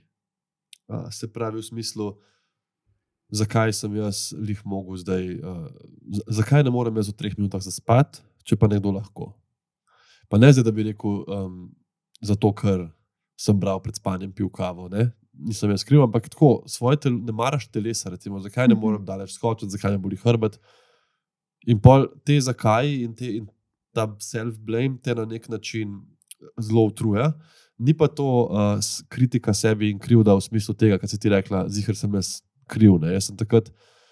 Sem se kar tako tudi smilil samo sebi in, in sem si zelo želel, da je situacija drugačna. Ampak jaz sem takrat, se spomnim, ja, razmišljal točno tako, lej, Še pol sem šel brati na internet, a veš, kako zaspati. ne, In potem sem začel ne vem, začer toplo mleko, ne kofeina, ne trening, dve uri pred spanjem, ne vem, kaj vse, meditacija, uno, mirni impulzi.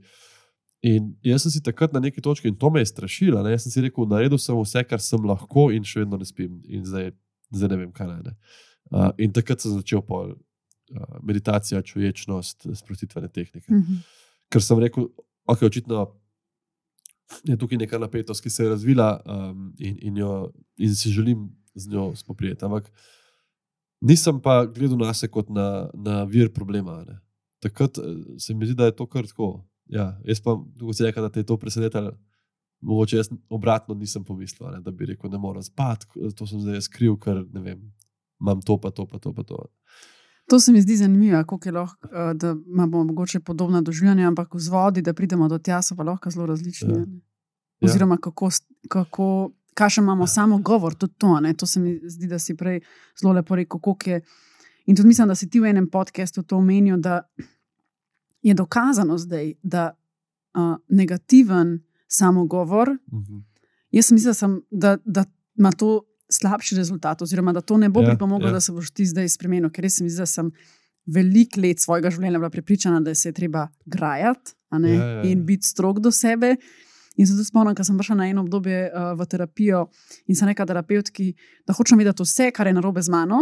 In samo, ko bom, ne, ko bom imela ta seznam, zdaj tam, ko bom videla vse, kaj ni gud, pa bom jaz se lahko začela spremenjati. In tisto obdobje se je zaključilo, ko sem prišla do točke, da aha, ne, sploh mi ni treba graje in da v bistvu se bom veliko lažje spremenila, če bom jaz vedela, v čem sem dobra, ki pač ja, bom pa tudi realno pogledala, aha, to so pa recimo moje šibke točke in na njih lahko delam, ampak tam je neko polje pa mojih vrednot, v katerih sem dobra in to, da nekje, da vem, kje sem dobra, mi v bistvu pomaga, mi daje zaupanje, da se sploh lotam teh stvari, v katerih pa se mi zdi, da mogoče Točno lahko to, naredim korak ja. naprej. In to si prebrala v moji knjigi, to imam tam, tam okay. tudi v podkastu najbrž govoril. Ampak to, kar si rekla, uh, to sem imel v knjigi, prav to poglavje o tem, kako, par študij citiram, kako uh, uh, je to, kako ljudje mislijo, da moram se grajati, Mhm. ker s tem, ko imam zase visoke cilje in se grajam, se bom motiviral. Ne? Um, in dejansko dokazujejo obratno, ne, da če si ti do svojih pomanjkljivosti, pa napak sočuten, boš imel unikatno okolje sprejemanja, kjer se boš lahko razvil. In če jaz to prevedem v to, kar sem ti rekel, da sem začel pisati ta izjemen, pač ogromen roman, ki je zelo ambiciozen. Ne, uh, po mojem, če ne bi tako razmišljal, ga ne bi. Zato, ker, a veš, ko ti začneš, začne, začel sem pisati v angleščini, začel sem pisati prvič svojo zgodbo, svoje like. ne. Če bi do mene en prinesel, en dober prijatelj, ta tekst, bi rekel, da je malo pogled, kot je, pa bi jaz bral in bi videl, Mhm. recimo, da kakšne stavke še ne štimajo, kakšna imena so tako malo čudna, da, da, da, da, te, da mogoče ni tako bogat jezikovno. Mu ne bi rekel, pač to, to ni v redu, to, ti, ti ne znaš biti Hemingway, pa George Martin, kva ti probavaš, ne, da je to vrš stran. Ampak bi rekel, "M- pač, stari, ti si začel pisati mm -hmm. svojo zgodbo v tujem jeziku in teče in je zanimiva, in pač imaš še ful za narediti, ampak dej, pač dej, keep me posted, dej me ohran me zraven, dej prosim deli. In na ta način začel, ker ko zapreš računalnik in čez en mesec grem brati malo za nazaj, pa začnem kaj obračati, kdaj tudi pomisliš, pa da je no, to. Ta del ne funkcionira, to moram zdaj vse obrniti, ali ven vršiti, ali sploh to, ali se tle ful ustavil, ta tekst ni, ali kaj to probavam. Ne? In če si takrat rečeš, da ja, ti si res norc, kaj je, zdaj boš ob vsem še to pisal, kdo mm -hmm. bo Mhm. to bral, to ne bo v redu, bi pač nehal, ker je najlažje nehati. Ne? Zakaj bi se tle trudil, pa se pol mogoče razočaral. Če pa greš iz te perspektive, ne, glej, naredil si ogromen korak, da si začel. Že to 20. poglavje je boljše od prvega, a veš, počakaj, kaj še bo, Mhm. počasi spet, pa če enkrat čez, naredi nekaj novega, se pa lahko spodbujaš. Ne? In, in um, na ta način, a vidiš, mogoče, če ne bi tega principa imel, ne bi pač pisal naprej. Lepo. In se mi zdi tudi lahko zelo lepa popotnica komu, ki se loteva novih izzivov. Točno to je. Da, da tudi, a veš, težko boš v nečem takoj dober. A veš, tudi ti nisi najprej na, najlepše stvari, ki so jo oblikovali, na katero si najbolj ponosen, najbrž ni bila tvoja prva. Mm. Sara, ki smo jo omenili, Isakovič, ki je šla prvič plavati, ni zmagala olimpijske kolajne. Veš, se mi zdi, da lih to je nekako uh, čas, ki bi ga nekomu drugemu dal. Ne? Če mi ti pa neseš tekst v angleščini, pa rečeš, da je pogled moja prva zgodba, ki jo pišem. Bom zelo blag pri analizi, ko bom rekel, je njena prva zgodba, ona ima še 30 let, da to izpili, pa vse ne. Medtem, ko če jaz zdaj rodim nekaj, kar ni popolno, bom pa pač znoro. Ne, Ja. veš, in, in tukaj sem mora človek zabrenati in reči, tudi jaz sem človek, ne, mogoče je to tudi bolj zdravo na ta način. Um, napisala si drugače. To zdaj ni toliko o pisanju, kot je o journaling, po mojem. Uh -huh.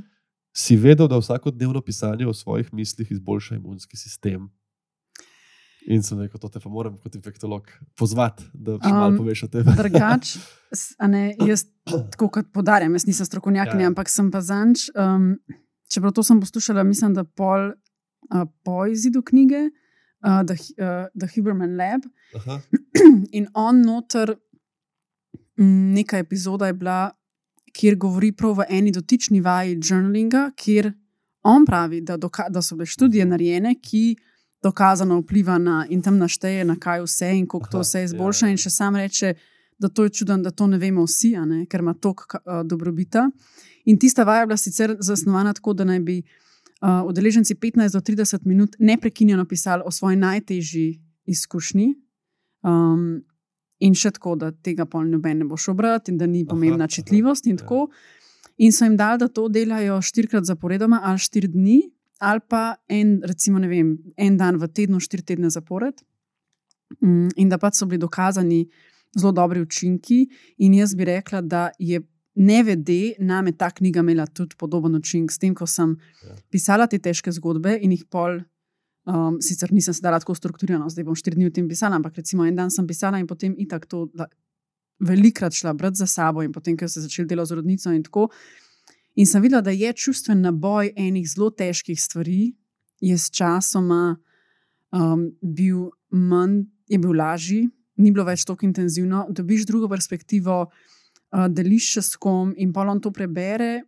In mm, včasih vem, se mi je zdel, kaj če bo nekdo rekel, a, ne vem, pač kakršna koli kritika. Ne? ja. In pa na drugi strani letiš na sprejemanje in je zelo lep občutek. Ampak zdaj, če se vrnem malo na ta journaling. Ja. Jaz zdaj ne vem, kje sem to prebrala, ne? ker sigurno Mhm. se jaz tega kot ne uh, medicinka si nisem mogla tega zmisliti. Ja. Ja. Ampak velikrat res, ko sem um, iskala teh deset korakov, kaj narediti za Ja, soočanje ja. s tesnobo, je bilo to pisanje dnevnika velikrat omenjeno in tudi, ko se spomnim nazaj na pisanje 100 dni za boljšo mene.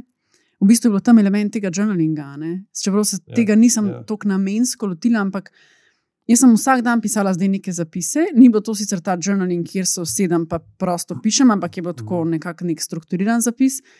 Ampak pol je tudi velikrat pri tistem vprašanju, uh, če mi je to dejanje prineslo kakšno novo spoznanje. Veliko je bilo primerov, ker mi je to me je avtomatsko usmerilo v neko hvaležnost. V smislu, Ja, da ja, zdaj zaradi tega dejanja se mi zdi, da se je boljš to, je boljš to. Uh, hvaležna sem, da um, sem to naredila, ali da mi je ta oseba to naredila, ali da sem se sploh lotila tega izziva. Mm, tako da sem od obeh knjig sem sigurno odnesla pisanje dnevnika, pa hvaležnost, da sta Mhm. dva, dva izmed teh desetih stvari, ki jih lahko enostavno naredimo, da se boš počutimo. ne, Je pisati dnevnik, pa vzeti si čas za hvaležnost, ki je pa v skladu recimo s Franklom, se mi zdi pa ena stvar, ki jo imamo Mhm. pa vedno na dosegu roke. Ja. Ne? ne glede na to, v kako težki situaciji si, sem prepričana, da ima vsak neke stvari, za katere lahko reče, da je hvaležen in jih ne jemlje samo umevno. To je fulvarno. Uh, jaz, ko sem prebral to o journalingu, ne, o imunosti, se, me je to malo mal spodbudilo, ne, da, da, da, da me rečem, me je začelo zanimati. Uh, pa sem malo pogledal raziskave, bolj, um, tako bolj na hitro. No. Zato, ker nimam zelo. Ta trenutek zelo veliko ekstra časa, tako sem prenesel. Um, mislim, zanimivo je, no? Če ti sam Dve stvari sem najdel, no, ki so me tako takoj povlekle. Ena je bila uh, randomized, control, randomized Trial, to je objavljeno v Yama Network leta 99 že. V smislu kontekst piše um, nefarmakološko zdravljenje bolnikov z kronično boleznijo. Ne? In oni so vzeli, se pravi, 112 prostovoljcev z astmo ali pa reumatoidnim artritisom. Mhm. Um, in so jih dali na dve skupini. Ne. Ena so pisali ali o najbolj stresnem dogodku svojega življenja, kot si ti rekla, ne. kontrolna skupina pa o um, neki neutral topic, pač nekaj, kar jih ne motful ali pa ne, ne vključuje. No, in pol, ko so jih gledali, ne, astma bolnike so s spirometrijo um, spremljali, to je zelo objektiven kazalec te pljučne funkcije. Uh, Reumatoidni artritis pacijenti pa jih je reumatolog gledal, in vse so na dva tedna, dva meseca, štiri mesece po tej intervenciji. Mhm. Uh, slepa študija, se pravi, ta zdravnik, ki jih je gledal, ni vedel, ali oni pišejo to ali tisto. Ne? In kaj so najdel, tle kup enih uh, statističnih številk, to ti bom pol dol, pa si lahko doma v miru pre, prebereš. Uh, ampak konkluzion, se pravi, bolniki, zdaj bom to prevedel, ki je v angleščini. Če mi rata sproti. Bolniki z blago ali srednje hudo astmo ali blagim ali srednje hudim reumatoidnim artritisom, ki so pisali o stresnih življenjskih izkušnjah, so imeli klinično pomembne spremembe v zdravju na štirih mesecih, v primerjavi s tistimi, ki so bili v kontrolni skupini in tega niso počeli. Te izboljšanja were beyond those attributable to the standard medical care. Se pravi, nisi, niso mogli pojasniti teh izboljšanj s tem, da so imeli pač v mestnem času imeli zdravila in vse, ne, seveda, ko so jih zdravili. In seveda, tle so zelo previdni, ali piše: It remains unknown whether these health improvements will, will persist beyond four months. Po so jih nehali spremljati, Mhm. v tisti točki so imeli prednosti, pol pa, pol pa ne vemo, če bodo imeli še. Pol pa še ena, no, to pa je bilo na bolnikih z srčno, srčnim popuščanjem, to je ena predujoča bolezen, zelo, zelo huda, ne, neozdravljiva v resnici. Ne? In sicer. Tukaj pa imamo zanimivo, ker zdaj, ko sem te to vprašal, ne, ker sem seveda vedel, na kaj napeljujem. Uh, si omenila obe stvari, kar sem jih hotel povedati. Ena je bila tale, uh, ste pravi, pisanje o stresnih dogodkih, tle pa, tle pa zraven eh, gratitude, se pravi, hvaležnost. Ne? Oni so vzeli 70 bolnikov v 8-tedensko gratitude journaling intervention, ali pa pol, pol jih je šlo to, pol pa pač samo uh, zdravljenje. In kaj so najdel, in tle so pa merili, ne, tle so merili heart rate variability, uh, unetne parametre v krvi, uh, pa pač vprašalnik o počutju in to. In so ugotovili, da se pravi, spet statistika, ki jo boš v miru prebrala.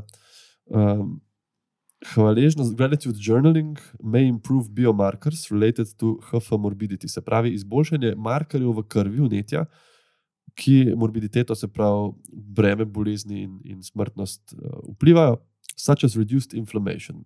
To sem najdel, ne se pravi, to, če rečemo, unetje, imunski odziv. Zmanjšano znižano unetje Um, ni bilo pa variacije v, uh, se pravi. Aha, je bila variacija v utripu srca in sicer povečan parasimpatik, uh -huh. se Mhm. pravi manj stresnega odziva, uh Mhm. -huh. ne pa v tlaku. Tako da oboje je meni bilo tako. A pa boš jutri svojim pacijentom kupil dnevnik. Ja, no, no, Blokad za mislim, pisanje. Ja, lej, tudi v tvoji knjigi je veliko takih praznih strani, da si lahko kaj napiše, ker jaz to nikoli nisem maro delati. Če berem knjigo, jaz nisem, da- da je notka, tudi pred tvojih nič nisem še napisal in jaz samo preberem. Vse vem in to veliko ljudi reče. Vsem je, um, je imela 100 dni večji del tega. ne. Ja, ja, ja. Mm, ja, ta, ja ta tle nova ima pač nekaj vaj. Ja. Ja, pa, se mi zdi pa, da meni pa priročnik so mi pa zelo pisani na kožo, v Ja. smislu rada uh, se aktivno lotevam izzivov in rada pač k temu povabim bralca. Si pa želim, da mm, to ne bi odvrnili od branja knjige. ne. Da Ja, se seveda. pove, da vaje so nek del, tudi če jih ne Tako. izpolniš, lahko jih Pa pač sam mogoče- prebereš. ne. Ja, neka dodana vrednost, če želiš valiti, lahko, če Tako, ne pa ne. ja. In lej, tudi to, veš, take stvari. Ne, kot, tu imaš študije dejansko narejene in ljudje bojo pol. To je kar kdaj težko verjeti, a veš, zakaj zdaj, če on piše, ima pa bolj urejeno astmo. Valjda, če ne bo kadil, bo imel bolj urejeno astmo. Ampak ja, ja. Ampak obenem pa vsi verjamemo, da če si full stresu, boš imel sive lase, a veš, pa boš imel gube. Zakaj, zakaj bi pač ta misli ti spremenile barvo las, ne more ti pa Ja. sprostiti te muskulaturo dihalno. In, in se mi zdi, da jaz pač ne pišem dnevnika tako redno. Ampak kdaj pa vzamem tam v noči polici, imam en, Mhm. en blok in vzamem in za, začnem pisati, pokor par strani začkam nekih misli, ta trenutek, ki jih pol kdaj naz- za nazaj preberem, ali pa tudi nikoli. Sploh nima veze. Ja. To, kar si rekla, piši tako nečitljivo zaradi mene, to je meni zelo lahko. Um, in sem to, da nekako ne vem, zakaj, kaj, ker daš te misli na Jaz bi papir. rekel, zato, ja. da daš misli ven na papir in In še. Um, včasih, ko si v glavi, a ne te misli res šibajo. Ti pa zdaj, ko pišeš, moraš tok umiriti ta, to, ta svoj tok misli, da pač greš besedo za besedo. Ja, Um, ja. tipkaš lahko že hitrejš. Čeprav tukaj pri tej študiji, ki jo Huberman omenja, prav, da ni treba pisati kao na roko, da, lahko, da so delali tudi lahko tipkaš. Aha. Ampak meni pri pisanju je to, da pač pišem lahko z neko hitrostjo. In to je v bistvu vse ne dosti, tudi če pišem grdo, je počasnejše, ker mi sicer šibajo misli in mi to umiri. In tudi jaz grem v bistvu. Um, Malkrat grem brati za nazaj, se pa spomnim, da sem šla kdaj pri kakšnem strahu, ki me je recimo preplavil, pa sem se spomnila, da to me je že bilo strah, a sem mogoče takrat pisala, a sem šla pol slučajno celo napisati, ko je to minil, da oh, okay, vse je bilo v redu. Mm. Tako da ja, jaz bi rekla, da um, oprijemljivost teh misli, umiriti se, prizemljiti. Um, ja, pa ne, nekako meni se spontano zgodi, da ko pišem dnevnik, v 95% primera, ko pišem, zaključim bolj pozitivno, kot sem začela. Ne vem, ali je to unikatno, ali manj, da smo to več ali manj. Um, ampak jaz delujem tako, ja, da mi je, mogoče mi je to kot neka oblika um, čuječnosti. a ne. Tudi v dnevniku sem Se zelo redko nesramna po- do sebe. No, Ja. Sem bolj ta spodbuden, Ja, ja, ja. čuječ, sprejemajoč glas, pride ven iz mene. Vse znaš nekaj ustvarjaš, kar lahko primeš, in zdaj valjda ne moreš tam nekih takih stvari napisati, ki so indecent, ki so tako neprimerne, ki si lahko v glavi mogoče rečeš. Rečeš pa, da samo Kaj, brešine. Pa Pa... bo to kdo prijel. Ja, ne? Ja. veš, Kaj pa če boš ti pa čez 20 let, pa boš rekla, grozen. Ne? Se Ja, mi zdi, da ja. človek tako izkomale nastopa tudi.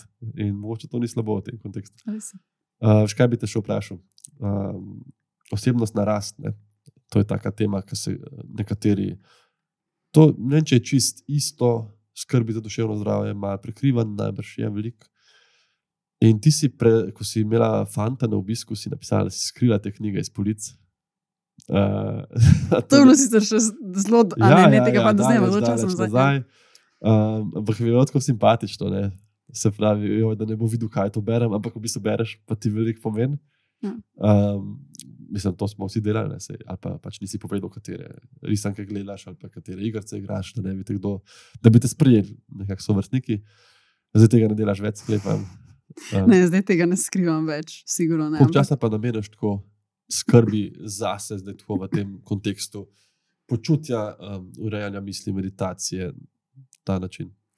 Vsakodnevno? Sigurno vsakodnevno. Aha. Ja, um, jaz, recimo, da po teh izgubah bližnjih um, sem videla, kako je res pomembno uh, gibanje, zdrava prehrana, pa spanje. pol po izgorelosti sem v ta nek osnovni nabor, pa zdaj pred snobi dodala še to umirjeno, globoko dihanje. Zdaj, ali je to uh, meditacija, ali je to nekdo, recimo, mol, se mi zdi, da je to tudi neka taka podobna stvar. Pač nek čas v tišini, kjer se umirjam, ali so to dihalne vaje, ali je to prav, se usedem pa meditiram. Mm, To, in to so v bistvu že krajne stvari, ki vzamejo kar nekaj časa. Ne? Dnevno se giba, pa zdaj se ni da nujno vsak dan, ampak v bistvu kar redno in vsakodnevno skrbim za te stvari, s tem, da grem hoditi v hribe. Ne rečem zdaj, da skrbim za duševno zdravje. Grem ja, tudi recimo ja. s prijateljem, pa se v bistvu družim. So prekrivanja. Ja. Tako se mi zdi tudi, recimo, da skrbimo za dobre odnose, se pravi, da si vzamemo čas za druženje. To je tudi skrb za duševno ja, zdravje. Ja. Pa ne rečem zdaj, da dve uri na dan skrbi za duševno zdravje. Se, ne, pač je tam notor je druženje, um, pa je recimo vem, poslušanje podcastov. Meni se to zdi tudi. tudi če bi ja. mi en rekel, kaj vse je v skrbi za duševno zdravje, tudi to se tam izobražujem, ja, ja. slišim um, vsebine, ki mi nekaj dajo, ki mi pomirijo, je to tudi osebna rast. Mm. Ampak ni nujno. V bistvu sploh ne vem, če je kakšna dejavnost. Mogoče meditacija še najbolj, da mi ne pride tako spontano, da se jo lotim z namenom, to je skrb za ja. moje misli in za moje psihično počutje. Ja, sej, ker, če te vprašam, to, kar sem te vprašal, ne, um, pa ti rečeš, vsak dan skrbim za to. Kdo rekel, kako imaš ti vsak dan čas za polno meditacijo, ampak to, kar si rekla, definicija tega je lahko tako široka. Mm. Se mi zdi, da moraš vsak dan narediti nekaj zase. Tudi lahko je to nek klic telefonski, ali pa da nekam greš, ne da se ti mudi, ali pa da spiješ en kozarc čaja. To ni treba imeti dodatno eno uro. Ja, lahko ja. odločim se iti peš od desetega nadstropja na mest z dvigalom. Ja, lahko ja. uh, se odločim za zdravo verzijo kosila na mest za neko hitro prehrano. Ja, ne? ja. To je skrb za duševno zdravje. Sprav, ne rabiš sploh imeti dodatnega časa. Nekdo, ki ima No, mi je pa še ta ljuba, pa ne vem, ti to tudi v knjigi omenjaš, da vsak dan bi mogel meditirati 15 minut, Aj. če pa nimaš 15 minut, pa res mogo pol ure. Ja, Se pravi, najbolj rabiš. Ja. ja, to so obdobja, ki bolj rabiš. In, um, ja. Je samo izziv, kako to upeljati v svoj dan, da ti bo nekako čim bolj spontano. Da ne bo to, da zdaj moram skrbeti za duševno zdravje, ampak. Da ti je uh, kot zobe umiti. Ja, ja. ja ker se ti tudi Linde Blada citiraš, uh, učimo se v miru, da se ga lahko spomnimo, ko pride nevihta. Mm. To se mi zdi važno. Ja. Uh, da, da imaš to neko rutino in ni treba, da vsak dan pol ure meditiraš. Toh. Jaz sem opazoval enega profesorja, ki ga zelo cenim, ki se zelo počasi premika, pa ni zelo star. Ampak ne, tako kot nekdo skozi hiti, on po mojem naravno. Ne? In takrat sem jaz pomislil, enkrat pismo, jaz sem zelo tako, jaz fulat delam, ta, ta, ta, ta, ta, pa hiter, pa ena pa druga. Ampak kako lahko tebe, telo, tebe te lahko, ti lahko z mislimi pomiriš telo, ali pa obratno, ne, s telesom, že to, kar so govorila, tehnike dihanja. Kako jaz zdaj, če, če malo čutim, da me kaj tako stiska ali opremenjuje, samo probam pol ure naslednje delati isto, kot, kot bi delal sicer, ampak počasi. Ja. A veš, da grem počasi do kuhne, hodim počasi, če si delam čaj, res gledam, kako nastaja ne vem, če se popraskam, ni tako, ampak eh, se mogoče popraskam bolj tako. Ne. In nekako že te gibi telesa upočasnijo moje misli. Ne, to, to Meni se zdi. Um...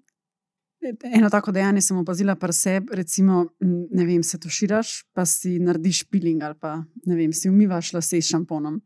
In Recimo, če si narediš pilinke, je že tako malo skrb zase, ne, tega ti ni, to ni nujno, ni to tista osnovna higiena, ampak je zdaj različno. Ti to narediš tako, da drgneš in ja. oh, hiter, ok, kljukca. Ja, ja, ja. Za, zdaj, če si že vzel čas za ta nek ritual, pa skrb zase, lahko to zdaj narediš v naglici in to, oh, moram še to stisniti v svoj dan, ali pa se takrat malo staviš. Um, in se mi zdi pomembna razlika. Časa ti vzame mogoče isto, s tem, da če delaš tisto v nekem krču in omudi se mi, in to je isto iz ki greš ne vem, iz enega opravka v drugega. Recimo, jaz sem imela jih ta teden en tak dan v Ljubljani, pohod sestankov in pol pridem domov, pa tako malo trujena, malo še polna glave vseh stvari. In se kar opazim, da bi zdaj najraž vse spet v sebi hitela, šla bi na ja. sprehod in bi se tako hitro korakala in oh, deset tisoč korakov na dan. In spet sam hitim in delam te kljukce, ali pa se sam, samo zavem se tega. Že to je dovolj. Aha, zdaj, danes sem pa jaz dosti hitela, veliko sem imela stvari, mogoče malo preveč bom šla zdaj na ta počasen sprehod. Ali pa tako, ja. kot si rekel, uh, aha, popraskala se bom, pa se ne bom tako z jezo ali pa z nekim, um, ne vem, ukrčuja, ampak tisto eno malo dejanje lahko narediš Mm. v miru, in se mi zdi, da ti pa sproži reakcijo stvari naprej, da ostale stvari naprej počneš. Isto, isto čas ti vzamejo, ampak v razpoloženju, ki je umirjeno. In tudi se mi zdi, to se širi na otroke, na naše bližnje, na vse. a ne. A si ti v naglici in vsem daš vedeti, oh, da nimam zdaj časa, ne, jaz sem full ja, uh, ja. poln urnik. Ali pa je, če si zdaj s temi bližnjimi, ne, da si zdaj vzem čas. Če pa nimaš časa, pa pa ok, um, reč, ne morem zdaj, čez 15 minut si vzamem čas in takrat, ko si ga vzameš, nisi na telefonu, pa nisi tako, ah, sej sem s tabo, ampak v bistvu te Ja. odpisujem en mail. In to je umetnost, ne? ker v bistvu ti lahko si prisoten, pa lahko imaš veliko projektov, ampak obenem daš ljudem občutek miru. Pa, Mm. ker, konkretno, recimo ta profesor je tako zaposlen, pač njemu skozi. Jaz sem se z njim pogovarjal v pisarni, vmes so trkali na vratih, pač naslednji, ki so imeli sestanke, ne, ker ima zaprta vrata. In jaz sem bil tako, kaj zdaj, a veš, tam trka on. Sploh ni trdno, on je Ne. naprej mi razlagal, to pa bom še narišem, pa tako vse. a Veš. Imel je tako urnik, da nočem ga niti videti, veš, kaj vsega čaka, ampak tako, takrat sem bil jaz pomemben. Ne? Pa, pa pač naslednji in se mogoče kdaj polk zamudiš malo, pa to. Ampak lej, ne vem, občutek je pa dober, veš, ko se s takim in tako se mi zdi, da je tako, tudi fajn gledati v okolici, da malo po- potegneš od vsakega posameznika, Ja. ki je ta zga lepega. ne, in tako. In to se mi zdi veščina. To je Ja, veščina. ja, ja. Ni treba, Ja. mogoče so eni že v osnovi nagnjeni bolj k tem, sicer se pa lahko tega priučiš. Z tem, da se zavedaš in da se opominjaš in da aktivno izbereš, Ja. kakšen bo tvoj odnos. Res je. Um, ja, nekaj časa se že pogovarjamo, študij nima več, sprintani. To si me presenetil, ampak zelo. Ja, to je bil cilj, me veseli. Um, mogoče sem še koga. pa bom začel pisati, zdaj pa bom mogoče boljše, bolj, bolj urejeno. Uh, a bi mi dala mogoče še kakšno knjižno priporočilo? Kaj je ta, ni treba, da je sploh o tem, kar sem se pogovarjala, kakšna knjiga, ki ti je bila zelo všeč v zadnjem času. ali Mm, kar se tiče tesnobe, sem zdaj prebrala to, ko možgani bluzijo. Mislim, da je tako naslov. Tam je bila fina, ker tako mm, mal podoben, kot si ti rekel, ne nisem jaz nič naredil, da, bi, da se je zgodila ta nespečnost. Mal iz evolucijskega vidika razlaga strah in koliko je Mhm. to normalno. Da, tako, te, če je komu to blizu, je tak pomirjujoč način, pa meni mal ne tako klasičen pogled na, uh, na tesnobo. Mhm. To, drugač pa m, zdaj le trenutno berem eno angliško, All My Rage. Um, jaz veliko drugač berem te za psihologijo, pa samo pomoč, pa Vidim, to ja. mi je to zelo blizu. Ampak Ja. ta zdaj ne vem, ali je tudi zelo fajn, zaradi tega, ker sem zdaj malo presekala, pa je tako neka zgodba. M, ko so pač ja, nek, nek roman, pa tudi govori tako malo. Um, težkih okoliščinah dveh karakterov, ki so se pol preselili v Ameriko iz Pakistana. Mm, tako, ampak se mi zdi, da je na, na tak lep način napisana, meni je zelo potegnjena. No? Mm, Drugač pa veliko knjig, v bistvu, kar je mojih priporočil, je tudi omenjenih v knjigi. Ja, veliko to, v bistvu, če prebereš to, imaš mi, če te zanima to področje še ja, dodatno, ja. Dobiš ogromno idej, pa vedno jih malo citiraš, da človek tudi vidi, kje bi mu mogoče bila bolj. To, in to sem si želela, predvsem iz tega, ker jaz nisem, ne, jaz nisem psihiatrinja, nisem zdravnica, nisem ne vem, sociologinja ali neki. Jaz lahko pišem svojo izkušnjo, Mhm. svojo zgodbo, za vse ostalo, recimo, ki pišem noter o dihanju in o parasimpatičnem sistemu. In tako, jaz lahko dam, oziroma se mi zdi tako najbolj smiselno, jaz dam nek košček, pol te pa usmerim tam na enega avtorja, ki je pa strokovnjak na tem področju. In če Tako, te to zanima, um, pač pet brati o dihanju. Tam od nekoga, ki je strokovnjak in to obvlada. Jaz ti pa lahko dam malo te koščke, pa če te nekje potegne, upam, da te usmerim do neke Ja, knjige. ker- Je pa ob tem še to vezivo te tvoje zgodbe, ki je zelo čustvena in veš, si človek pa bolj zapomni kakšne stvari ali pa ga bolj zanimajo. Tako da um, zagotovo pa ne pozabiti, eh, še enkrat rečem, da se javite v komentarje, ker eno knjigo bo vida, bova podarila, uh, oziroma podarim mladinska knjiga, vida jo podpiše, jaz pa nimam kakšnih globih tukaj nalog. Uh, če pa ne zadanete, jo pa pejte kupiti, pa jo preberite. Um, najlepša hvala ti za pogovor, vida. Hvala tebi. Se veselim, da ga še poslušam in, in upam, da naredi spremembo. Vem, da bo še, še pri komu. Hvala ti. Hvala.